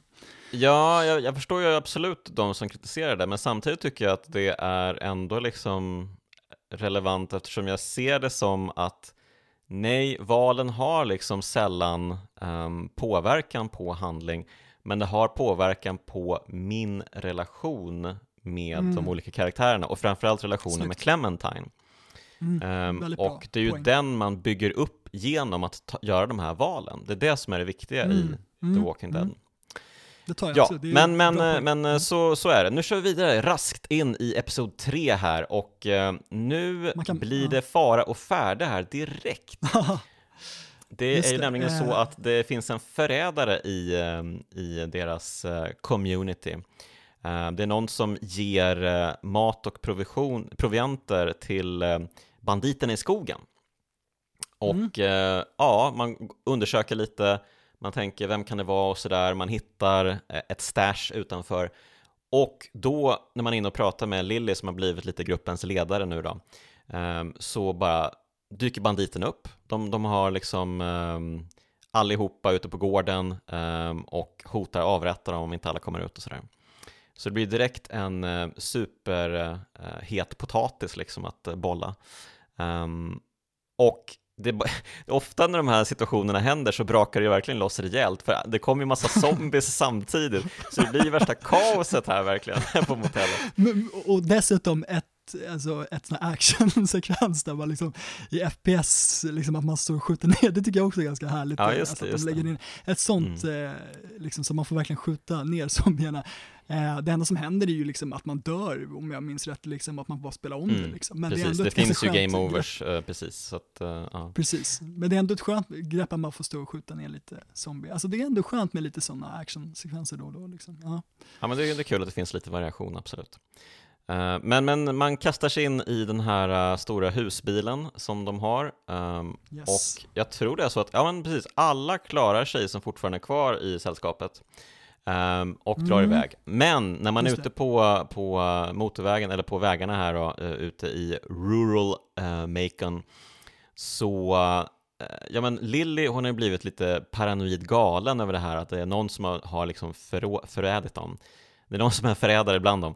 Ehm, så att eh, när de stannar för att eh, liksom plocka bort en zombie som har fastnat under husbilen eh, så börjar hon liksom eh, Ja men hon ger sig på eh, Ben Ja. och Carly och tänker att eh, det är ni som ligger bakom det här. Självklart. eh, Och sådär. Hon, blir ju, hon flippar ju fullständigt. Och det här är förutsatt att man har valt Carly då, att, att, för annars skulle det ju antar jag vara Doug. då, eh, som- precis. Just det, precis. Men Ja. i vårt fall så var det ju Carly. Mm. Precis, och eh, oavsett vad man än gör här så kommer ju då Lily att skjuta Doug eller Carly. Eh, hon bara Ja, flippar för att, Mm. i alla fall i mitt fall då, så utmanade ju Carly henne och bara du, du kommer på dina höga hästar här och uh, du börjar snacka skit alltså, du får tagga ner. Och sen så bara pang, skott i huvudet från Lily på Carly. Carly ligger död och, och de bara, vad gör vi nu? Då får man ju ett val. Om man ska överge Lily vid vägkanten Mm, mm, eller det, det ta med henne i husbilen. Det var ett Och svårt val, här, här, vi- här Mm. skiljer vi oss åt Jonathan. Du valde Mm. att plocka med henne och jag valde att lämna henne. Och, precis, och jag kan inte liksom eh, riktigt förklara det här rationellt, utan det, det här tycker jag verkligen vi kommer till de här äh, ganska djupa grejerna. Alltså så här, att, att det är någon form av så här, animalistisk instinkt nästan. Alltså att, Mm. att ja, men jag, hon ska med, alltså jag, jag tänker inte döda folk, eller jag tänker inte överge. Alltså det finns någon sån Mm. värdering, jag ska inte göra en lång grej av det, men, men liksom att eh, det tycker jag är ett av de här grejerna som spelet gör bra. Att varför tog jag med Mm. henne? Eh, för man märker ju senare eh, ganska att, att hon, ja, det var ju bara helt onödigt liksom. att ta med henne liksom. Vad Eh, och roligt, det gör för ju jag- också att man, man, man känner att, man känner ju att, aha okej, ja men jag är, jag är för snäll helt enkelt liksom. Eh, ibland i livet. Alltså det, det, den, den liksom ställer ju sådana frågor som, som man kan ta med sig i livet. Vad roligt, du får berätta vad som hände med Lily, men, men jag då valde ju att Mm. lämna henne vid eh, vägkanten. eh, för, för, för min del så gick det en gräns här. Man kan inte bara, man kan inte flippa sådär och skjuta någon bara rakt av. nej, Alltså, nej, ja, det förstår jag. Förräderi är en sak, för att det visar ju sig sen att det är Ben som har varit förrädaren. Ben är någon sorts tonåring, det var han som de hittade i skogen med den här killen de högg av benet på. Han var en del av Just den gruppen. Eh, och han är någon college-elev som, eh, ja, han var ute på någon, eh, någon, eh, någon resa med eh, sin skola och så hamnade han där ute liksom. Eh, men eh, han har ju liksom gjort det här ändå i någon sorts eh, ärligt uppsåt. Han ville ju skydda gruppen från banditerna eh, Mm. och har gett dem proviant eh, på så sätt. Så Men- att, men eh, visst- det, var, det visst- var ju liksom inget, eh, det var ju liksom inget eh, ohederligt på så sätt. Han hade ju någon sorts ärlig eh, intention med det hela. Men det är Men självklart, vänta, du, du visste alltså det här? För det visste inte jag. Det, det var ganska snyggt om, om du redan visste att han hade själv, eh, stulit, för det visste inte jag förrän senare. nej jag visste inte det heller förrän senare. Ah, okej, okej, så jag trodde du visste det och därför så, okej, jag fattar. Det, Nej, okej. det kommer sen, man pratar med honom och så. Okej, Eh, Men, nej men, eh, men så att eh, jag kände väl att uh, Lilly har ju gått över gränsen här.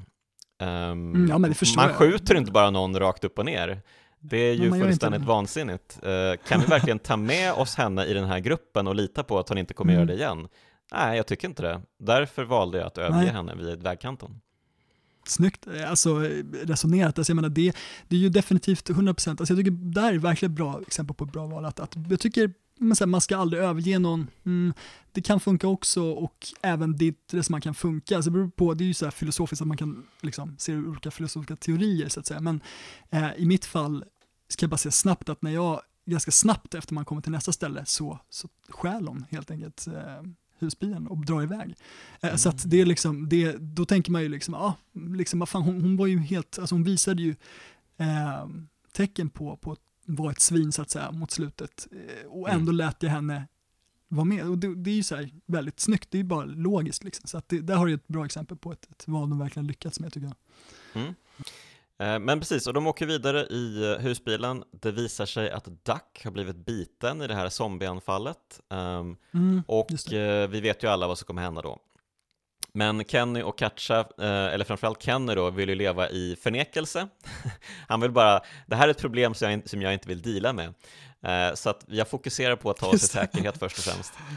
Och han har ju den här fixa idén med att eh, de ska hitta en båt och Båt, eh, ja. ta, sig, ta sig bort därifrån. Och man fattar ju inte riktigt varför skulle det vara så en himla bra idé? Eh, det finns ju liksom ingen Nej. proviant mitt ute på havet. Ja, man kanske kan fiska lite, men kommer man så långt på det han är- liksom? Han är ju, han är ju fiskare så att det, är liksom, det är väl det att han, han har någon slags stolthet så här. Men det är som sagt, det, det är mänskligt ändå. Men jag kan tänka mig att någon skulle bli så om det var en ap- apokalyps faktiskt. Jag, jag tycker ändå Mm. att det realistiskt på något sätt. Mm. Men de hittar ju ett tåg till slut då, Ehm, och eh, Yes. det här tåget eh, går ju faktiskt att eh, få igång.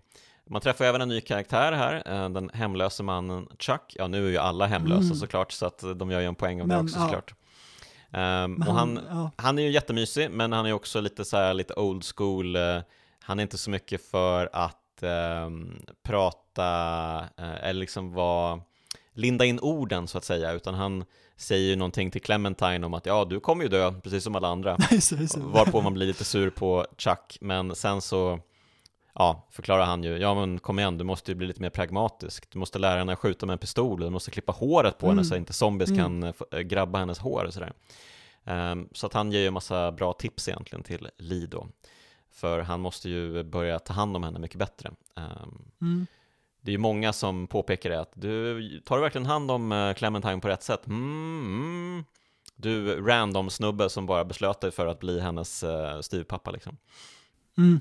Ja men verkligen, och, och, eh, där får vi verkligen se några riktigt bra scener får man säga. Jag tycker jag verkligen alltså några av de bäst, liksom mest emotionella scenerna tycker jag, när man lär henne eh, skjuta mm. där med, med pistolen och, och hugg, alltså inte hugger, klipper av hennes hår. Att, att, jag menar, det är enkla grejer men det är väldigt, det sätter sig i hjärtat faktiskt. Mm. Väldigt snyggt. Men eh, innan man drar iväg med tåget så måste ju mm. Kenny mm. fejsa verkligheten att Duck är ju på väg att bli zombie. Vi måste ta hand om situationen. Eh, och man kan ju antingen välja att börja ehm, ett slagsmål med Kenny eller så kan man snacka med honom och resonera med honom. Och jag lyckades mm. resonera med honom, jag såg att du också lyckades det. Ja, precis. Talk him down, ja precis, det stämmer. och sen får man ju ett val till då, ganska direkt inpå, eh, om man själv, alltså Li då, ska skjuta mm. Duck eller om man ska liksom, nej det här får faktiskt eh, du Kenny ta hand om. Och då mm. finns det ytterligare en, en komprometterande detalj i situationen att eh, Katja begår självmord. ja, så det, är ju, alltså, det är ju så himla mycket ångest och lidande här. Eh, och Kenny blir ju en spillra av sitt forna jag direkt liksom. Eh, och ska man då be honom, ja men du får skjuta din egen son, kom igen nu. Eh, precis efter att hans fru har tagit livet ja. av sig.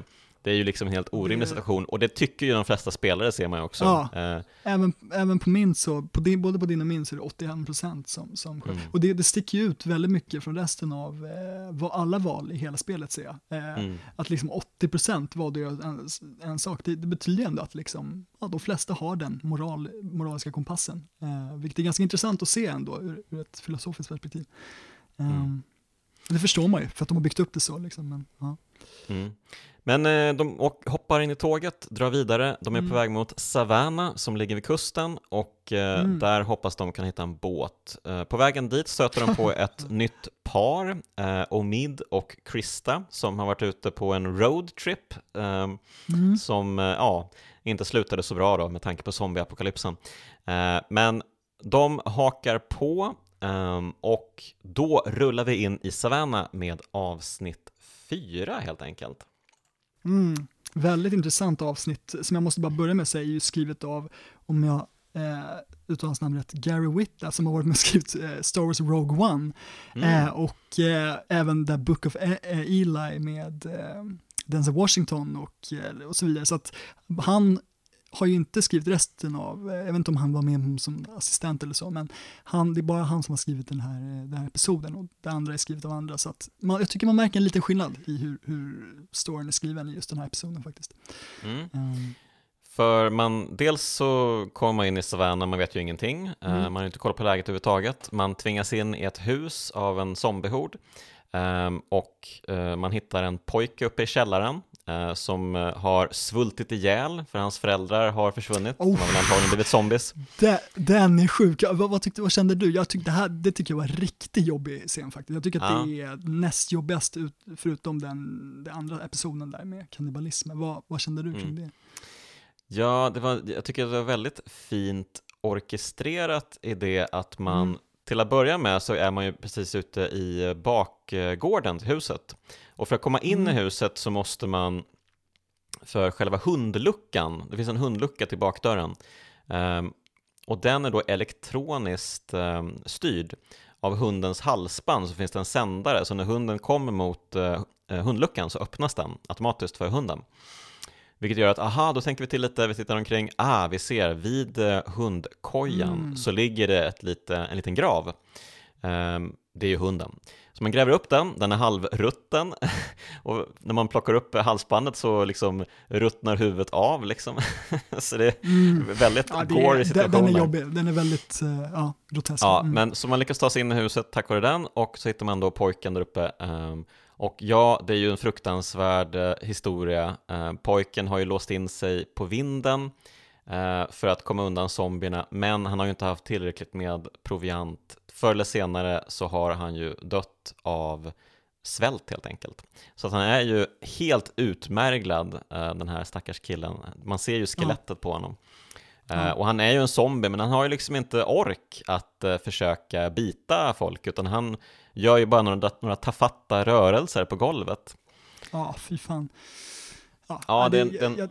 jobbig scen, alltså just att man tänker på, det här var verkligen så antydad till liksom vad han har gått igenom mm, för att komma mm. dit liksom och hur fruktansvärt den här världen är tycker jag verkligen att de har lyckats med att, visa. Men vad, vad gjorde du ja. då eh, med honom? Liksom? Jo, men jag valde ju att skjuta honom då. Eller jag sköt inte honom, utan jag klubbade ihjäl honom. Um... Precis, jag också.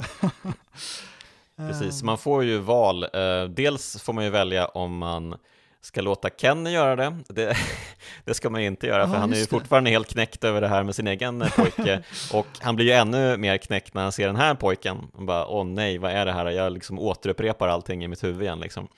Så Kenny um, mår inte bra. Eh, och antingen då så kan man ju välja att låta pojken vara kvar där uppe. Eh, men, men det känns ju också lite så här, ja, det är väl inte riktigt rätt sak att göra. Um, så att då får man ju olika val då hur man ska ta ihjäl pojken. Um, och då har man väl någon klubba på sig som man kan använda. Mm. Mm, ja, men för jag såg att här såg det att 20, bara 25% och jag dödar honom, men på din så står det att 73% eh, av ja, det är jättekonstigt. Nej, men ska, nej, jag vet inte, men, men eh, ja, det är väldigt intressant det där. Alltså om, om det är sådana här liksom lokala skillnader där 73% ja. dödar honom versus liksom att de flesta moraliskt sett tycker att det är bättre att, han låter, att man låter honom leva. Det är en ganska intressant skillnad där. Ja, men jag tycker det var väldigt fint i alla fall när jag hade um, dödat pojken så gick jag ner och begravde honom i uh, hundens uh, grav. Så att mm, pojken och hunden fick vila tillsammans. Ehm, det var väldigt vackert tycker jag. Ehm, och speciellt det att man fick man fick verkligen göra varje spadtag. Det blev liksom ett spelmoment. Så att varje spadtag man tog ja. för att lägga liksom jord på kropparna, um, mm. det fick man se tydligt. Och det här liksom, för det här, det här är någonting som du ska känna och ta del av. Liksom. Verkligen. Verkligen. Så härligt, vad, härligt. Gick du runt i huset någonting lite innan det och, och kollade runt? Man kan ju se ett, ett porträtt tror jag på familjen. Exakt. Mm. Och eh, jag tror att man ser ett porträtt av, nej, ja, ja, för fan vad jobbigt det är ju, han har ju, man kollar på kylen så ser man att han har litat, eh, pojken har ritat en bild av hunden. Eh, och det tycker jag var så jävla snyggt gjort. Det är, så här, mm. det är mm. verkligen ett tecken på, på bra liksom, skrivande, att man bara antyder ja. liksom, att han, han gillade hunden. Och då tänker man, ah, det var den här hunden. Och sen ser man pojken. Och sen mm. så begraver man honom med hunden. Alltså det här med liksom att, ah, man kopplar att, oh, mm. liksom.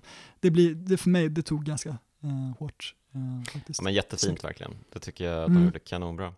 Ehm, men eh, de måste ju liksom ge sig ut på stan. De får nys om ehm, ett, eh, ett hemskt ställe som heter Crawford. Där mm, det. Det, det liksom bor människor som har försakat alla som inte är liksom able-bodied. Alltså liksom folk över 14 år upp till 60 tror jag, någon sån där, de hade en cut-off line, så att alla gamla människor och alla unga människor är inte välkomna i Crawford, utan det är bara folk som kan göra rätt för sig som är välkomna till Crawford. Så det är verkligen ett riktigt ruttet samhälle. Och um, även sjuka, sjuka människor, alltså som har någon form av sjukdom, är väl inte välkomna om jag minns rätt. Just det, precis, exakt. För man stöter ju sen på en grupp eh, canceröverlevare som har tagit, eh, som har tagit fäste i ett bårhusen. Eh, man träffar ju då även någon sorts parkour-expert, eh, den här Molly, ja, Molly som, ja, som hoppar runt här. Så att man träffar lite nytt mm. folk i staden eh, Savannah helt enkelt. Eh, men, och sen så beslutar man ju då sig för att eh, om vi ska lyckas med det här, för de hittar ju då, det finns ju inga båtar överhuvudtaget i Savannah, men av, av ren tur så har de stött på det här huset de nu bor i, i garaget så finns det en båt. Just det, men det var någonting jag läste här att, att det är något så här, ologiskt med att eftersom inte kameran visar den, typ garaget på något sätt, så är det ologiskt att de inte skulle se det på något sätt och ha kollat det där. Det var någonting sånt där jag, jag läste i, som kritik. Mm alltså att, att varför såg de inte liksom, för visst, båten var där hela tiden va? Det var väl inget att liksom, båten ja. fördes dit efter, i efterhand. För så fall så, varför såg de inte garaget var väl det som var Liksom. Då borde de ja, ha kollat där. Liksom. Men de tänker väl att det bara är en bil i garaget, tänker jag. Men visst. Precis, men det, det, är ändå lite ologiskt när man tänker, alltså jag, det är ju verkligen bara att, att liksom peka mm. på väldigt små saker, men jag tycker det är intressant att just för att kanske man kanske inte visar det med kameran så, så är det, mm. måste det som att de inte ser det heller. Eh, så att det var ganska intressant bara lite, men det är ja, jag, jag tycker att jag tycker det, man, man, kan fatta att de kanske inte kollade överallt, liksom. de var för desperata. Liksom. De, ja, precis. De ha, ja. Men, men ja, hur som helst, de um, beslutar sig för att göra en räd mot Crawford, för där finns det ja. bensin och batteri och uh, lite förnödenheter, för de behöver ju hjälpa Omid också, som mm. har problem med sitt ben. Uh, han föll ner på tåget i det förra episoden. Uh, så att han har problem med benet. Um, så att ja, man beger sig till Crawford. Tog du med Clementine till Crawford?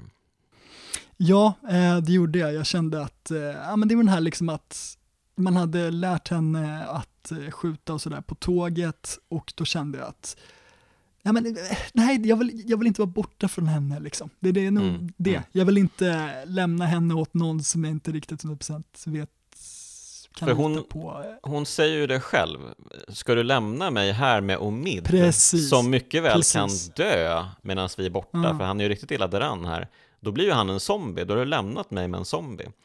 Så att det finns ju ändå ett logiskt eh, tänk bakom det här valet, att ta med henne in i den här eh, hemska samhället Crawford som de har fått förklarat för sig. Eh, men när de kommer in i Crawford så märker de ju att här har ju saker och ting gått åt pipan. Deras eh, yes. liksom, idealiska samhälle har ju imploderat och alla är ju zombies numera. ja, det hade man så kunnat räkna ut också, vilket är snyggt alltså, gjort, att, att man, varför tänkte man inte på det? Man, tänk, man litar ju på att alla lever, vilket är också blir en intressant överraskning. Jaha, mm. men det är klart, de är zombier liksom. Ja, men jag tycker det var väldigt skönt att de inte valde att ja, nu ska vi bygga upp ett, eh, så här, liksom, ett skurksamhälle här. Det finns så många sådana i Walking Dead-serierna ja, liksom, som alltid dyker precis. upp. Så det var skönt att de mm. bara, nej, vet ni vad, de har, eh, de har liksom satt krokben för sig själva, alla är döda, alla är zombies. Jättefin detalj tycker jag att de bara körde på den, den vägen istället. Mm, håller helt med. Ja, och där får man ju liksom eh, hämta lite olika supplies, man får veta lite om Molly och eh, att eh, det var tungt här, hon var ju en del av Crawford en gång i tiden, men ja, hennes syster hade ju blivit, hon var ju diabetiker då, så att ja, ja det var lite helt, lite hit och dit med saker och ting där. Um, yes. Till slut så måste de fly när de har fått alla sakerna och då mm. Eh, får man ju faktiskt ett tillfälle att eh, låta Ben, förrädaren, eh, falla till sin död i ett klocktorn. Ah, just det. Ehm, och jag vet att första gången jag spelade det här så gjorde jag nog det, jag släppte nog Ben där. Um, mest för att han ville ju inte leva liksom. Men här kände jag, nej, jag har, jag har jobbat så hårt på att Lee ska vara en stand-up guy för Clementine, mm. att han ska liksom ingjuta Clementine med eh, sunda värderingar. Att nej, jag tänker inte ja. släppa Ben. Han ska klara sig. Väldigt bra poäng. Och är det inte precis innan man åker till Crawford som Ben och Kenny har ett gräl, eller det är senare? Jag mm. minns inte riktigt. Ja, det är nog sen tror ah, jag. fan då, okej, okay, för att ja, det var någonting, det, det är ju det här med att Ben, det som är så snyggt med det här med att man, man liksom ska välja att släppa honom eller inte, är ju att han själv säger att nej men släpp mig. Och man får också känslan av att eh, det här kommer inte gå, jag kommer inte kunna dra upp honom. Det tycker jag också spelet gör snyggt, att så här, även om jag väljer att försöka dra upp honom så kommer det gå åt helvete. Och det tycker jag gör ännu mer att man tänker att man fan ska, ska man bara släppa honom, för det kommer ju zombier samtidigt, liksom, att man tänker att jag kommer bli uppäten om jag släpper honom. Eh, så det, det var jäk, eller förlåt, jag kommer bli uppäten om jag inte släpper honom. Eh, så att eh, mm. man gör ju ett, eh, ja, man får ta mod till sig om man väljer att dra upp honom. Och det, det är jäkligt snyggt, snyggt också, att det inte är ett självklart val på något sätt. Liksom. Ah. Mm. Men eh, avsnittet lider mot sitt slut och man lyckas ta sig hem, men Ja, det är ju så att uh, de har ju allting de behöver nu för att ta sig till båten och uh, fixa den, ta sig ut på blöjande blå. Men det finns ju även ett annat litet um, orosmoln här och det är ju att en person har börjat prata med Clementine via hennes walkie-talkie. Mm, mm, just det. Och den här walkie-talkien har ju varit med genom hela säsongen. Um, hon har ju inte haft några batterier i den, men hon fick ju batterier till den när de plundrade den där bilen i slutet på avsnitt två. För mm. Det, det, tyckte jag var lite konstigt faktiskt, för att de sa ju nej till att få en hoodie som de hittade i bilen. Men så kom ju uh, Carly mm. fram, i mitt fall då, med batterier och bara, men ta de här batterierna till din walkie-talkie. Och just, de just tog det. ju Clementine emot. Just. Eh, vilket jag tyckte var lite konstigt, men jag antar mm. att hon, för att hon pratar ju tidigare i walkie-talkien med sina föräldrar, alltså hon Precis. låtsades prata i walkie-talkien med sina föräldrar. Precis. Så det var väl kanske där att hon, även hon liksom drabbades av det här ja, det kanske finns något sätt som jag faktiskt kan prata med mina föräldrar om jag får igång walkie-talkien och tar emot batterierna. Och, och även, det är ju en sån här klassisk liksom, eh, karaktäriseringsgrej också, att visa att hon inte är perfekt. Och det, det tycker jag, det måste jag faktiskt säga, mm. ganska snyggt ändå. Att så här, men, när det gäller hennes föräldrar, då, då kan hon tumma på de här eh, moraliska kompassen. Och det, det tycker jag faktiskt är ganska ja. välgjort ändå. Och hon tror ju, hon, är, alltså hon vet ju att hennes föräldrar var ju i Savannah, så hon är ju verkligen sugen på att försöka hitta dem. Eh, för hon lever ju i förhoppningen att eh, det är klart att de lever. Varför skulle de leva kan man tänka, fråga sig, men hon är ju ja. bara ett barn såklart. Ja, man vill um, bara det, som men så, ja, ja, men så är det ju då en mystisk röst som har börjat prata med Clementine um, på walkie-talkien. Som jag väl har sagt till henne att ja, men jag kan hjälpa dig hitta dina föräldrar. Um, ta dig ut eh, på bakgården så ska vi uh, nog fixa det här. Så att eh, den här personen har kidnappat Clementine i slutet av avsnitt 4. Eh, Lee ger sig ut för att leta efter henne, hittar henne inte, han hittar kepan. Eh, som så ofta har hon förlorat sin fina keps och man ska liksom försöka föra den tillbaka till henne.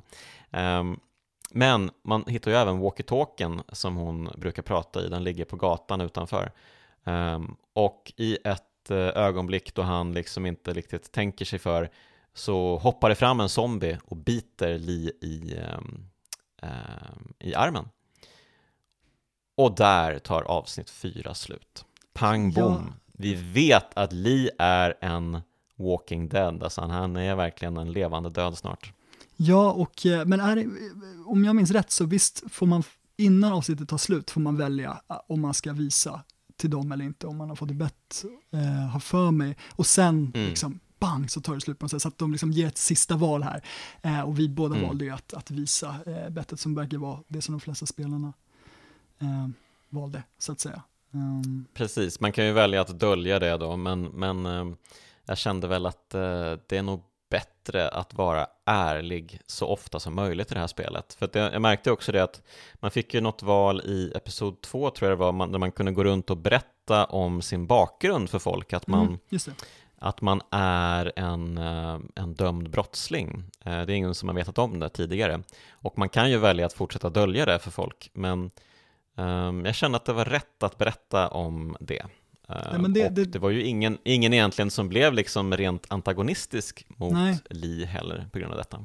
Det kan man ju fatta. Men sa du det här med att visst är båten borta precis innan man träffar, man, mm. man hittar, för jag tror det är en ganska viktig detalj bara så att vi inte missar att, att jag får med att Precis, ja. ähm, båten är borta, men det, det händer nu i avsnitt fem. Ähm, för i början på avsnitt fem så ger ju sig, så frågar ju Lee sin uh, crew, uh, vem är med mig? Vem vill komma och uh, rädda Clementine? Och beroende på hur man har skött sig genom spelet då, mm. Ehm, så kan man ju få med sig alla. Men man kan ju också ja, ha betett sig douchigt eller inte tagit deras sida på olika sätt. Så det kanske man inte får med sig alla. Ehm, och jag fick faktiskt inte med mig Kenny. Nej, och det roliga är att det var exakt, nu eh, kunde inte jag ta vad heter det, ett, en skärmdump på just det, för att det kommer bara i slutet av eh, episod 5, det här med hur, vilka exakt som följde med. Men det roliga var att det var exakt de som följde med dig som följde med mig också. den här gången. Så att mm. jag måste ha gjort typ samma moraliska val de flesta gångerna. Och eh, jag försökte vara snäll mot Kenny, det är det att han, han säger ju liksom att nej men du har tyvärr inte, du har liksom inte stått upp för mig tillräckligt många gånger, så att den här gången så kommer inte jag stå upp för dig liksom. Eh, och jag Mm. tyckte att jag försökte vara schysst mot Ken, det var jag kritiserade honom en, Mm. två gånger kanske, tre, och det Ja. gillade inte han, så Ja, men- det är hårt alltså. Det är lustigt, för det är nog exakt Mm. samma med mig. Eh, Ja. Jag var väldigt ofta på Kennys sida, men ändå Mm. känner han att nej, du har inte riktigt varit på min sida. Och det kan jag väl känna, det var väl det enda riktigt som jag reagerade på i Ja, okej. spelet, att Mm. kom igen nu, jag har ju det, de få gånger jag opponerat mig mot Kenny så har det väl ändå varit, det har ju inte varit liksom outrageous beteende Nej. från min sida. Det här att Ska vi verkligen döda Larry med en saltsten liksom? Jag tycker att det är lite match. Kan vi inte tagga ner lite? Men bara, nej, det ska vi. Så att, Det, det, hade, man Det- sagt, ja, hade man sagt ja där kanske, ja, om, om det fanns något sånt val. Ja. ja, så att, eh, men så lite konstigt. Så eh, Kenny stannar kvar eh, för att fixa med båten. Alla andra ger sig iväg för att eh, de tror ju då att det är de här canceröverlevarna som de har varit lite polare med, Mm. eh, som har norpat eh, Clementine för att deras ledare, den här doktorn, Vernon, han hade varit med dem och sett, ja men Clementine, ja men vi kan hjälpa Clementine, jag kan ge dig en deal. Vi kan ta Clementine, för du kan ju inte ta hand om henne, det ser vi ju liksom. Ehm, eller något sånt. Så får man eh, fundera på det, men så tror de, ah det är de som har eh, rövat bort henne. Men sen när man kommer fram dit till deras, ehm, det här bårhuset de har ockuperat, så är allting borta, de har dragit. Just det. Just Och så när man sen kommer tillbaka till huset, då har ju Kenny blivit, eh, ja, man har blivit spöad och av canceröverlevarna, de Ja, som ja, verkade ja, vara liksom var ett det. skönt gäng. Så det är canceröverlevarna som snor båten och drar. det. Men det, det tycker jag. Så det, himla roligt. Ja, och det, och det är ju också väldigt snyggt det här med liksom att de leker med de här liksom positiva, eller som sagt, negativa positiva fördomar också. Att man liksom, eh, och, och vad man är van vid, att, att eh, nej men det här är en värld där allt kan hända. Liksom. Jag tycker ändå att det, det jag gillar det på något Mm. sätt. Att, Ja, men jag gillar också det. ja, ja, Jag tycker väldigt det var överraskande. skitbra. Ja, För att de kändes så liksom, eh, det kändes som en härlig grupp liksom. Men även de har liksom, ja men nu finns det en chans att ta en båt här som är liksom preppad och klar. Ja, vi kör! vi kör. Och de har ju sagt tidigare flera gånger, flera karaktärer, liksom, att du ska inte lita på folk du inte känner. Så att det är verkligen, de preppar in det hela tiden i huvudet, liksom, att du, du ska inte lita på folk du inte känner och så vidare. Eh, och så Mm. litar man ju på dem och så händer det. Så att det hände ju för mig med Lilly också och det händer nu också. Så att det är ganska snyggt ändå det där. Ja, och man stannar ju kvar lite i huset här. Eh, Man, man har ju liksom ingen aning om hur man ska hitta Clementine. Ehm, Men till slut så börjar man ge sig iväg då, eh, för zombierna har tagit sig in i huset, det har blivit värsta paniken där. Ja, just det. eh, Ja, lite man har tagit upp på vinden och så har de lyckats ta sig in i ett annat hus bredvid ehm, och sen upp på hustaken då. Och här så, om man har Ben med sig då, så faller ju han när han ska hoppa över till ett annat eh, hustak. Mm. Då faller han ner i gränden eh, Mm. och så ser man, ah, han lever fortfarande, shit, vad ska vi göra nu? Ehm, och då har ju Kenny haft eh, lite av ett gräl med Ben tidigare om det här att, ah, det var du som förrådde oss så att eh, min fru tog självmord och eh, Duck blev biten. Mm. Jag hatar dig med allt jag liksom är. Men eh, så berättar ju Ben då i sin tur att du har ju lätt, du hade ju en familj att förlora, jag vet inte vad som har hänt med min familj liksom. Ehm, jag har ingen aning, de kan ju leva, de kan vara döda, det, det är inte så lätt för mig heller. Nej, just det. Eh, Mm. vilket blir lite av en ögonöppnare för Kenny att ja, ja, okej, det, allting är inte bara allting handlar inte bara om mig händer bara liksom. mig. Nej. Nej. Så att här får ju Kenny en fix idé på något sätt. Jag måste rädda Ben. Så att han hoppar ju ner för en stege eh, för att ta sig ner till marken. Eh, det kommer ju zombies från alla håll där nere. Um, och eh, jag valde att springa efter själv, att ha kvar Omid och Krista där uppe. Mm. Jag också. Um, och ja, när man kommer ner så inser man ju snabbt att det är kört för Ben. Han har hamnat rakt på ett järnrör liksom Mm, i mm. magen. Eh, så att han kommer ju inte överleva. Det är ju bara frågan om man ska, man ska skjuta honom eller inte. Eh, för att var, hans stora skräck är ju det här att bli levande uppäten av zombies. Aha, och alla okej. är på väg där. Va, va, min, okej, för att jag upplevde det, jag, det är lite ologiskt, men jag upplevde det som att hans stora skräck var att liksom det här ögonblicket innan man blir skjuten, så, att, så jag trodde att, att, han, att han inte ville att jag skulle skjuta honom. Eh, så att jag trodde liksom att, ah, okej, ja, men jag låter honom eller vad fan var Jo men jag tror att det var så jag tänkte, liksom att låta honom vara kvar. Jag vet inte hur jag tänkte, jag tror att jag måste ha missuppfattat vad det var han var rädd för. Nej men fan, ja, det, lät, det var någonting som fick mig i alla fall att, att låta honom vara där. liksom att, nej men jag tror mm. han skulle klara sig, det var väl det, att jag tänkte att spelet kommer fixa det så att han klarar sig på något sätt, fast han är eh, spetsad av en, ett järnrör. Eh, men det gjorde ju inte spelet den här gången. Ja.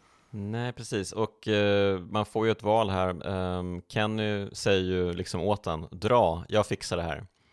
Uh, och jag valde att uh, säga ja till den erbjudandet, så jag drog. Jaha, okej. Okay. Mm. Det var, just det, Stannar det var, du kvar? Ja, och då, just det, så det går liksom, det här är också sån här forcerat val, att jag valde att stanna kvar, men då liksom bara trycker han in, om jag minns rätt, Li i en eh, sidgränd liksom, och stänger något stängsel så att han liksom inte kan göra något. Och då eh, är det väl att han försöker rädda Ben, är det det?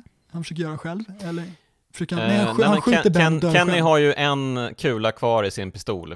Just det, ehm, just och det kommer zombies från alla håll och kanter. Ja, ehm, ben kommer dö oavsett. Mm. Så att eh, man vet ju vad Kenny planerar att göra här. Ehm, han planerar ju att inte låta Ben få lida. Nej, um, så att man, man klättrar upp för stegen och då hör man uh, ett skott, man ser ju inte längre vad som händer. Um, och så ser man, ja, kommer, Kenny kommer inte klara sig över det här, eller, man vet inte. Nej. Man vet inte vad som händer med Kenny, han bara försvinner här. Just det, um, det, ehm. det, är smart. Men det vet man aldrig va? Man får aldrig svar på det, eller? Jo, jag tror han återkommer i säsong två faktiskt. Ah, shit, det visste inte jag. Fan vad intressant. Okej. Okay. Ja, så att uh, det är inte slut att tampas med Kenny än. Ja, fan vad uh. nice. Jag har inte spelat säsong två, ska sägas. Eh, så att jag, det ser jag fram emot. Det var ju väldigt snyggt gjort, måste man ju säga. Uh. Mm. Uh, men då kommer man vidare då till det här hotellet som man vet att den här skurken, kidnapparen, har Clementine på. Um, ja, man blir skild från Omid och Krista, säger mm. åt dem att ja men ta er härifrån liksom, vi, mm. vi hittar er sen. Och då är man helt själv då, lyckas ta sig in i det här hotellet. Uh, först så ska man ju liksom kämpa sig igenom hela zombiehorden. Mm. Um, och det är ju, beror lite på här om man mm. har kapat Lis arm tidigare på bårhuset. Mm.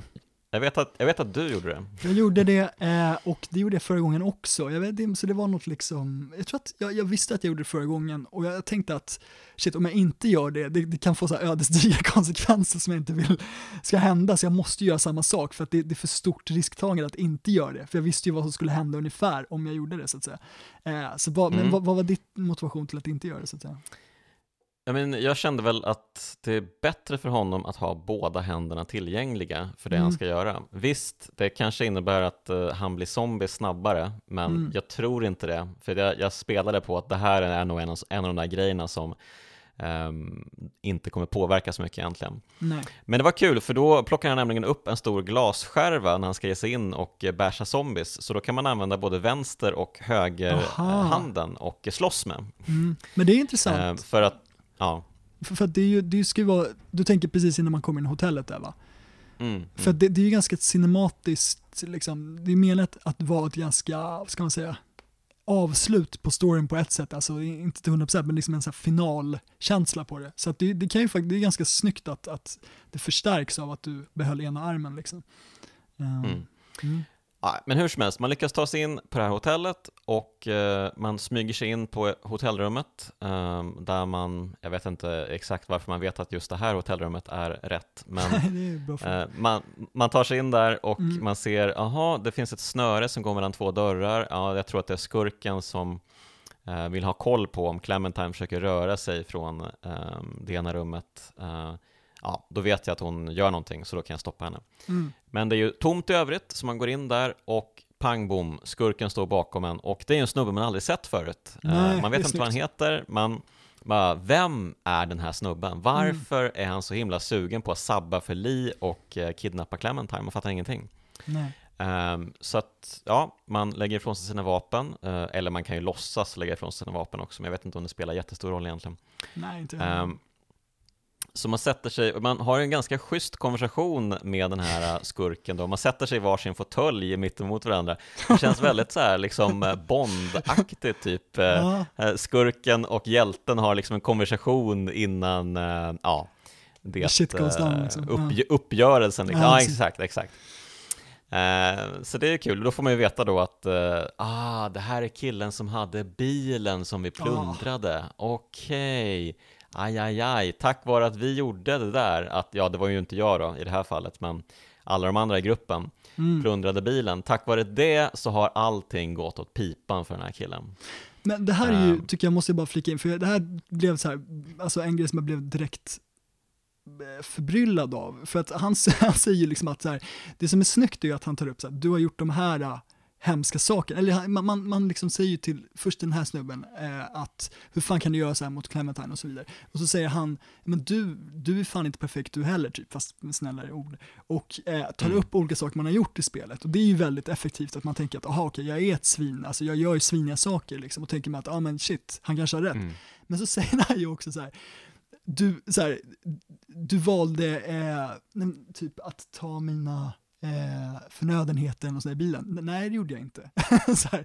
Och så tar han bara typ, mm. aha, okej. Okay. typ. Alltså han, han typ kommenterar inte på det, eh, liksom, utan bara så här, det känns som att det var lite ett plot hole för mig i alla fall, att det var så här, men vänta, okej, okay, så att han tycker att mm. Lee, är det liksom mer att det ska vara vagt där, att han tycker att Lee ändå är en bra person, eller är det liksom att de bara inte har kommit på hur de ska skriva runt det, så att säga, mm. förstår du vad jag menar?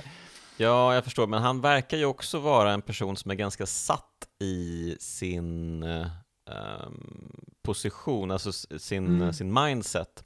Alltså han, han, han har ju sin frus uh, zombiehuvud i en uh, bowlingväska. Ja, det kanske han hade, ehm, missade. Som, som, han, han tittar ner och pratar med henne ibland. Att, uh, visst, visst går det här bra liksom? Klassisk Walking Han är ju, han är ju lite um, unhinged. Så att eh, han, han, oavsett hur bra eller dåligt man har gjort i spelet så är ju han liksom, han tycker ju att Lee är en skurk oavsett. Um, och det kan man absolut tycka är lite av en, en brist, det, det är det ju verkligen. Um, men uh, jag vet inte, det, de hade ju behövt uh, skriva ut den här sista delen ganska mycket då för att ändra på saker och ting, om man har gjort det liksom en, en perfekt, om man varit det värsta helgonet liksom. Ja. Men oavsett, man kan ju inte vara ett helgon i det här spelet heller. Nej, man, man gör ju saker oavsett, det är en gråskala hela tiden egentligen. Så oavsett om man inte tog eh, liksom hans grejer så har man ju gjort saker som har varit lite questionable. Bra poäng. Oavsett. Det är som att han på något sätt tar upp olika saker och vad man än har gjort så är det tillräckligt dåligt för att han också ska säga att ja, men du är också en, en person som gör dåliga val. Så att, jo, jag håller med, det är faktiskt en bra poäng att, att som helhet så, så mm. visar han på att, att du är också en skurk eh, i den här världen på något sätt. Mm. Liksom. Ja, ja, det är snyggt ändå.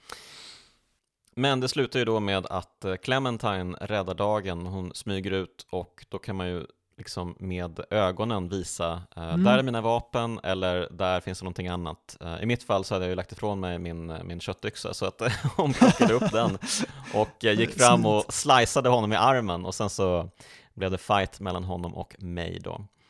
Eh, och eftersom jag hade båda mina händer så kunde jag strypa honom. Ah, okej. Okay. Men just det, för att jag har ju jag, det här är intressant för att jag eh, missade någon QTE-grej eh, på det stället. Mm.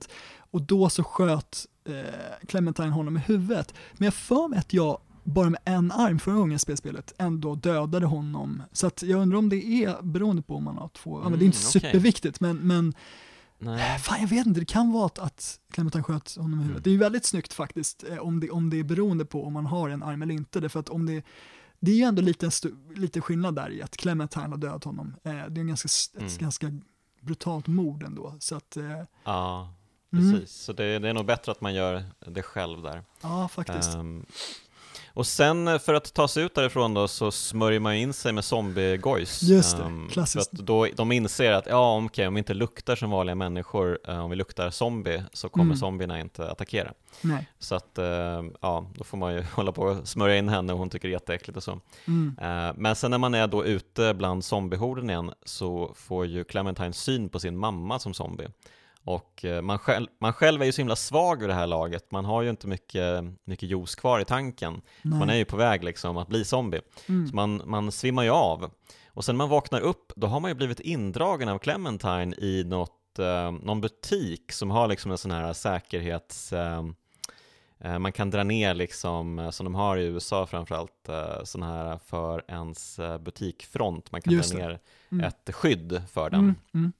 Och eh, hon har liksom låst in sig själv där med Lee i tron att de är säkra från zombierna, men Lee håller ju på att bli zombie.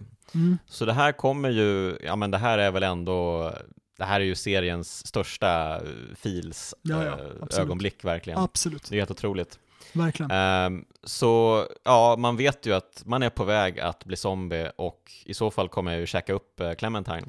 Så mm. man måste ju förklara situationen för henne och hon mm. blir ju helt knäckt, alltså helt, mm. alltså jag får nästan oh, lite, jag får nästan tårar i ögonen bara jag tänker på det. Oh, alltså den här, den här närbilden på henne när hon inser, när hon oh. ser hans uh, zombiebett där och hon bara no, no, no, no, no, no, no, no, no, no. Verkligen. Och, alltså men, helvete vad bra det är. Och, helvete. och mycket, mycket där, du kommer komma till det, men just det här med att när man har insett det och den här uppgivenheten han har i rösten när han liksom mm. ber henne att, eh, vad är det hon ska göra? Eh, hon ska låsa fast honom va? Eh, mm. i, en, eh, i ett rör eh, först, är det väl det han, han menar att han ska, han ska göra. Eller hur, hur blev det för dig? För du, jag valde ju att hon inte ska eh, skjuta honom och det gjorde väl du också? Mm. Nej, precis. Uh, nej, men uh, man hittar ju ett par handklovar där inne, mm. för det finns ju en säkerhetsvakt där som mm. är liksom inlåst i någon liten stol av något slag. Mm. Uh, och det är han som har nycklarna ut och en pistol och så. men handklovarna kan man plocka upp och så kan man låsa fast Lido vid ett element som han ligger vid. Just det, så um, och uh, ja, och sen när man försöker plocka nycklarna så lyckas ju zombien ta sig loss och då måste man ju agera snabbt och hjälpa Clementine och då ska man ju, för man är ju fortfarande Li, man säger ju bara åt Clementine vad hon ska göra, man mm. får titta på objekt som, Just det. Uh, ja men man sparkar till henne den här baseballträt så att hon kan uh, klubba, klubba huvudet, ja mm. mosa den här zombiens huvud. Eh, mm. Men hon är ju så svag så det tar ju liksom flera, typ fem slag på det här huvudet för att han ska dö. Mm. Så det är ju ytterligare så här, uh, jobbigt för henne liksom. Ja, verkligen. Och, och, Detalj. Uh, och sen då får man ju valet att antingen lämna Lee där eller skjuta honom. Uh, ja, och mm. jag tänkte väl som så att så som jag hade spelat den här omgången, alltså jag hade ju verkligen um, satsat på att vara en god förebild för Clementine, alltså mm. att vara en god, god förebild. Mm. Um, att vara liksom ett moraliskt föredöme och visa henne att uh, nej men vissa saker, även om det här är en hemsk värld vi nu lever i, så ska vi liksom inte, vi kan inte gå för långt med vissa saker, vi måste ändå nej. vara liksom, så jag, jag vill inte att du ska döda mig, för nej. att jag vet att det kommer göra någonting hemskt med dig. Det spelar ju mm. ingen roll om jag mm. blir zombie, mm. tänker jag. Mm. Det är ju mm. oavsett liksom. Och samtidigt... Så länge du bara, ja. Ja, nej förlåt, fortsätt. Nej, fortsätt med det. Nej men alltså så länge du um, tar det härifrån innan jag hinner förvandlas till zombie så spelar det nästan ingen roll, uh, tänker jag. Mm. Men vad tänker du? Uh, no, nej, nej, men alltså jag, jag tänker ju, alltså grejen att det här, det här var ju liksom andra gången jag spelade och jag satt till sista millisekunden och kunde inte välja. Alltså mm. det, det, och jag tycker mm. så, det var snyggt gjort av spelet, måste jag säga. För det, där är verkligen sådär när man pratar om att man bara förlorar, tid och rum försvinner och man bara är i en berättelse. Där, där för mig var det liksom, vad fan ska jag välja? Liksom, vad fan ska jag välja? Mm. Eh, och mm. det är liksom inte för, för någon sån spelframstegs skull, utan det är för min egen skull. vad fan ska, jag, mm, vad, exakt, vad fan ska jag leva med liksom? För att jag bryr mm. mig så mycket om Clementine. Det är ju helt sjukt att de har lyckats med det. Det är faktiskt mm. helt sjukt. Eh, I ett, ett tv-spel, om man ska vara liksom, eh, så typiskt liksom, och så. Men, men liksom, det är faktiskt coolt eh, att de har gjort. För att jag valde till slut att, att låta dem leva och det var också en sån här instinktsgrej, eh, för att jag tänker att visst, som du säger, att, att man skulle kunna säga att ja, men, det är som man precis där i början då, med den här eh, kvinnan som, som ville att man skulle skjuta henne där i motellet, där konstateras det ju att det är schysstare att skjuta henne och där, där gjorde jag det. Men jag gör det inte när det är Clementine och det säger så jävla mycket om att i mm. slutändan, så som du säger, det är för, det är för riskfyllt för din framtid. Du, du har dödat den du håller av och respekterar och du gör samma sak och indirekt då som jag gjorde mot, vad var det, någon som hade varit otrogen mot min fru va? Eh, var det väl det han, mm. han dödade en snubbe för då, eh, i början av, eh, innan spelet börjar. Så att liksom, du ska inte bli mig. Och det, det, kan, det skulle kunna bli så jävla klyschigt, men just i det här fallet så funkar det så bra. det funkar mm. så bra. Ja, men jag håller verkligen med, för att ja. jag menar, det som, det som gör spelet för mig då, mm. visst Kenny kanske är den bäst skrivna karaktären där, och relationen med Kenny går upp och ner hela tiden, men mm. det är ju det är ju, alltså det man minns Walking Dead första säsongen för, det är ju inte Lee Everett eller Clementine i sig, Nej. utan det är ju de tillsammans. Oh, det är ju snyggt. relationen mellan dem. Precis det är det man minns. Precis så. För de är ju så fruktansvärt fina. Alltså oh, det är så oh.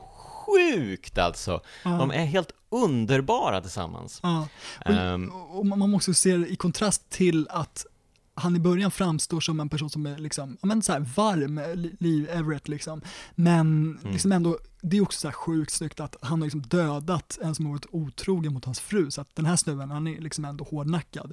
Men han kan bara inte vara det Och just en grej som jag inte tänkte på, men som är ganska uppenbar ändå, är att han, han är ju också schysst mot Clementine, för det, det här jag sett i Telltale-videor, att ja, de som skapade spelet tänkte då att, att det är ju liksom för att han ska, vad heter det, sona sina brott, eh, sina synder som han är så snäll mot, mot Clementine också. Alltså inte egoistiskt sig själv utan mm. för att visa att liksom, men jag är en bra människa. Och det tänkte inte jag riktigt på faktiskt. Men, mm. eh, men när man tänker på det, det perspektivet blir det ännu starkare eh, också. Eh, så att det är jävligt snyggt. Ja. Precis, ja, men eh, det här är ju hans sätt att sona sitt brott på. Uh, samtidigt som jag är fullständigt övertygad om att han verkligen, verkligen bryr sig om Clementine också. Jo, jo, absolut. Um, absolut.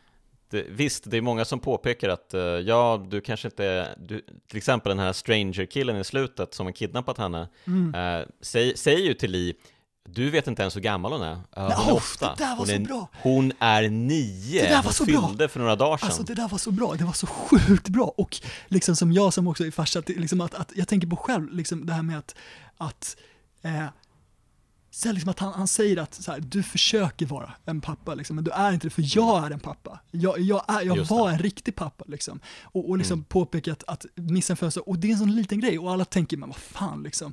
Eh, det är ju en jätteliten grej. Men just när han bara pekar på att, men vänta, du, du liksom, jag, jag, kan det här bättre än dig. Du är, och då tänker man ju på sina val som man har gjort och tänker att, ja, men fan, du, du kanske har rätt. Jag kanske inte är bra. Just den här lilla grejen att han, han liksom trycker på den knappen. Det är så, det är så snyggt, att det känns så mänskligt mm. att då tvivlar man på sig själv, fast det han säger är helt ologiskt. Mm. Ja, det var så jävla snyggt. Ja, men alltså han har ju verkligen bevisat att han är en jättebra pappa för uh. Clementine. Men, men absolut, de här små sakerna, de har mm. han liksom ingen större koll på. Han är ju, han är ju en, en person Ehm, som aldrig haft barn och uh, som inte vet hur man ska handskas med dem egentligen. Trots Precis. att han är lärare, det är ju det som är hans yrke egentligen. Just det, just det. Um, vilket ju också är en ironisk liten detalj då, mm, med mm. tanke på att han undervisar, det kanske, är, det kanske är äldre barn såklart, men oavsett så har han ju handskas med uh, yngre liksom. Det är bas baserat att, uh, på, på tydligen Sean Vanneman, en av huvud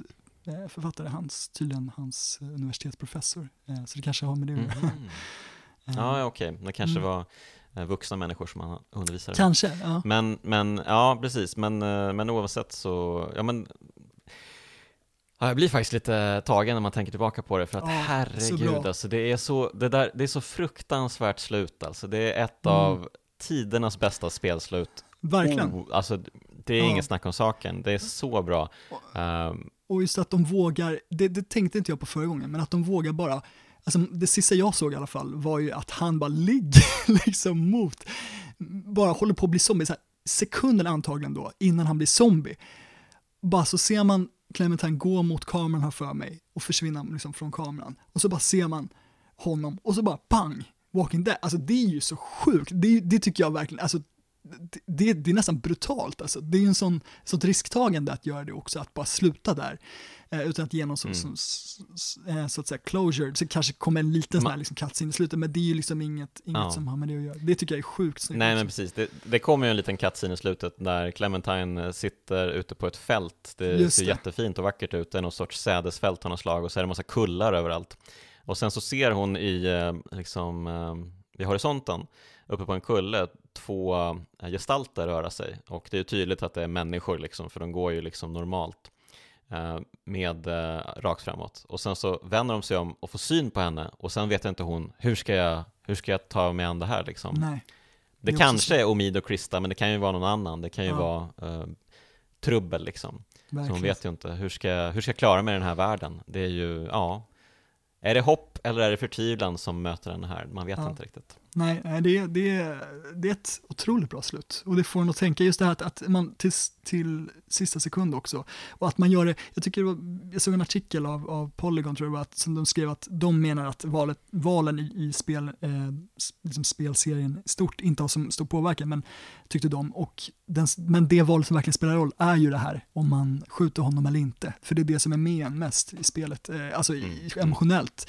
Eh, det, det kommer alltid vara med en. Eh, och man fortsätter med säsong två, säsong tre. Sköt man honom eller att man var zombie. Man, får, man får leva med det samvetet. Det, är- det är riktigt bra. Eh, Bra, vet inte men Ja, vi, vi har ju redan varit inne på det jättemycket här nu, men, men Mm. eh, om du ska försöka liksom sammanfatta The Walking Dead, varför är det ett kraftspel tycker du? Ehm, ja, alltså jag tycker att det är kraftigt av det vi sa nyss, eh, att det är så emotionellt starkt och att även om man kan diskutera huruvida valen verkligen påverkar eller inte, det står i början av spelet att valen påverkar och det gör de ju, men till vilken grad, så får man känslan av att, att ens val påverkar och det går inte att betvivla att valen eh, påverkar dramat, vilket olika med journalister, till exempel Carl-Johan Johansson har, har argumenterat för i Level och sådär. Att det är dramat som är det viktiga och det, det sa du också där. Så att Mm. det är ju en enormt kraftfull, emotionellt kraftfull story och alltså jag skulle säga att, att spelhistoriskt så mer än någonting annat, mer än valen så är det att, att det liksom på något sätt lyckades eh, visa att det här liksom, de här mänskliga relationerna, eh, Mm. mänsklig dialog, mänskliga re- relationer, men också visa det här, de här brutala, riktigt brutala scenerna som den här liksom saltblocken eh, efter att, att eh, man har ätit eh, sin kamrat, eller inte man har ätit, men man har varit nära att äta sin kamrat. Eh, kombinationen av de mänskliga re- relationerna framförallt, men också det här eh, att våga gå riktigt långt, till exempel som Stephen King ofta gör i sina böcker, och så att liksom verkligen visa det här riktigt äckliga, för att visa att det är så här, eh, så här det är, om det ska bli en zombieapokalyps. Det, det tycker jag gör det till ett enormt kraftspel. Mm. Mm. Ja, men jag håller med. Det är, ju, eh, det är ju lätt att som gamer betraktad bli kanske då upprörd över att valen inte ger eh, två olika disparata situationer. Nej. Att, ja, men gör du det här valet, då hamnar du i eh, Macon. Gör du det här valet, då hamnar du i Washington och gör någonting helt annat. Precis. Det är ju inte så det här spelet är uppbyggt, utan det är ju relationer som byggs och förstörs och stärks och eh, det är ju hur man vill vara som människa också gentemot andra människor. Det är ju det som är det viktiga i det här spelet och det är det som, gör, det, är det som spelet gör så otroligt bra. Och det är det som får en att känna så otroligt mycket för karaktärerna och för Lee och Clementine där i slutet. Och det, det går... Usch ja. Ja, det, går, det, är- det, det är två karaktärer som är väldigt svåra att släppa. ehm, som liksom någonstans är med en. Och det är ju att, ehm, ja, jag trodde väl inte att spel, fram tills dess hade väl inte det riktigt varit så för mig. Eh, så att, sen har ju liksom några spel som Life is Strange och, och så vidare, eh, What Remains of Edith Finch har haft samma effekt, men det känns som att lite Walking Dead, för mig i alla fall, la grunden för det. Det här med att man verkligen liksom, trycker på det här emotionella och att, att karaktärerna Mm. ska stanna kvar i en och, och verkligen ha en mänsklig koppling. Mm. Ja men verkligen, ett riktigt kraftspel tycker jag att det är. Ja, Mm. skönt att du också tyckte det. Ja, men annars hade du inte fått eh, prata om det Nej, här precis. i kraftspelen. Ehm, men Jonathan, eh, det var jättekul att prata med dig och uh, Verkligen, jag tack detsamma. tackar dig så hemskt mycket för att du var med här. Ja, men stort tack detsamma, superkul. Tack. Yes. Och även ett stort tack till dig som lyssnat och de finfina pojkarna i Bitpopbandet 047. Hörni, ja, vi ses och hörs nästa vecka.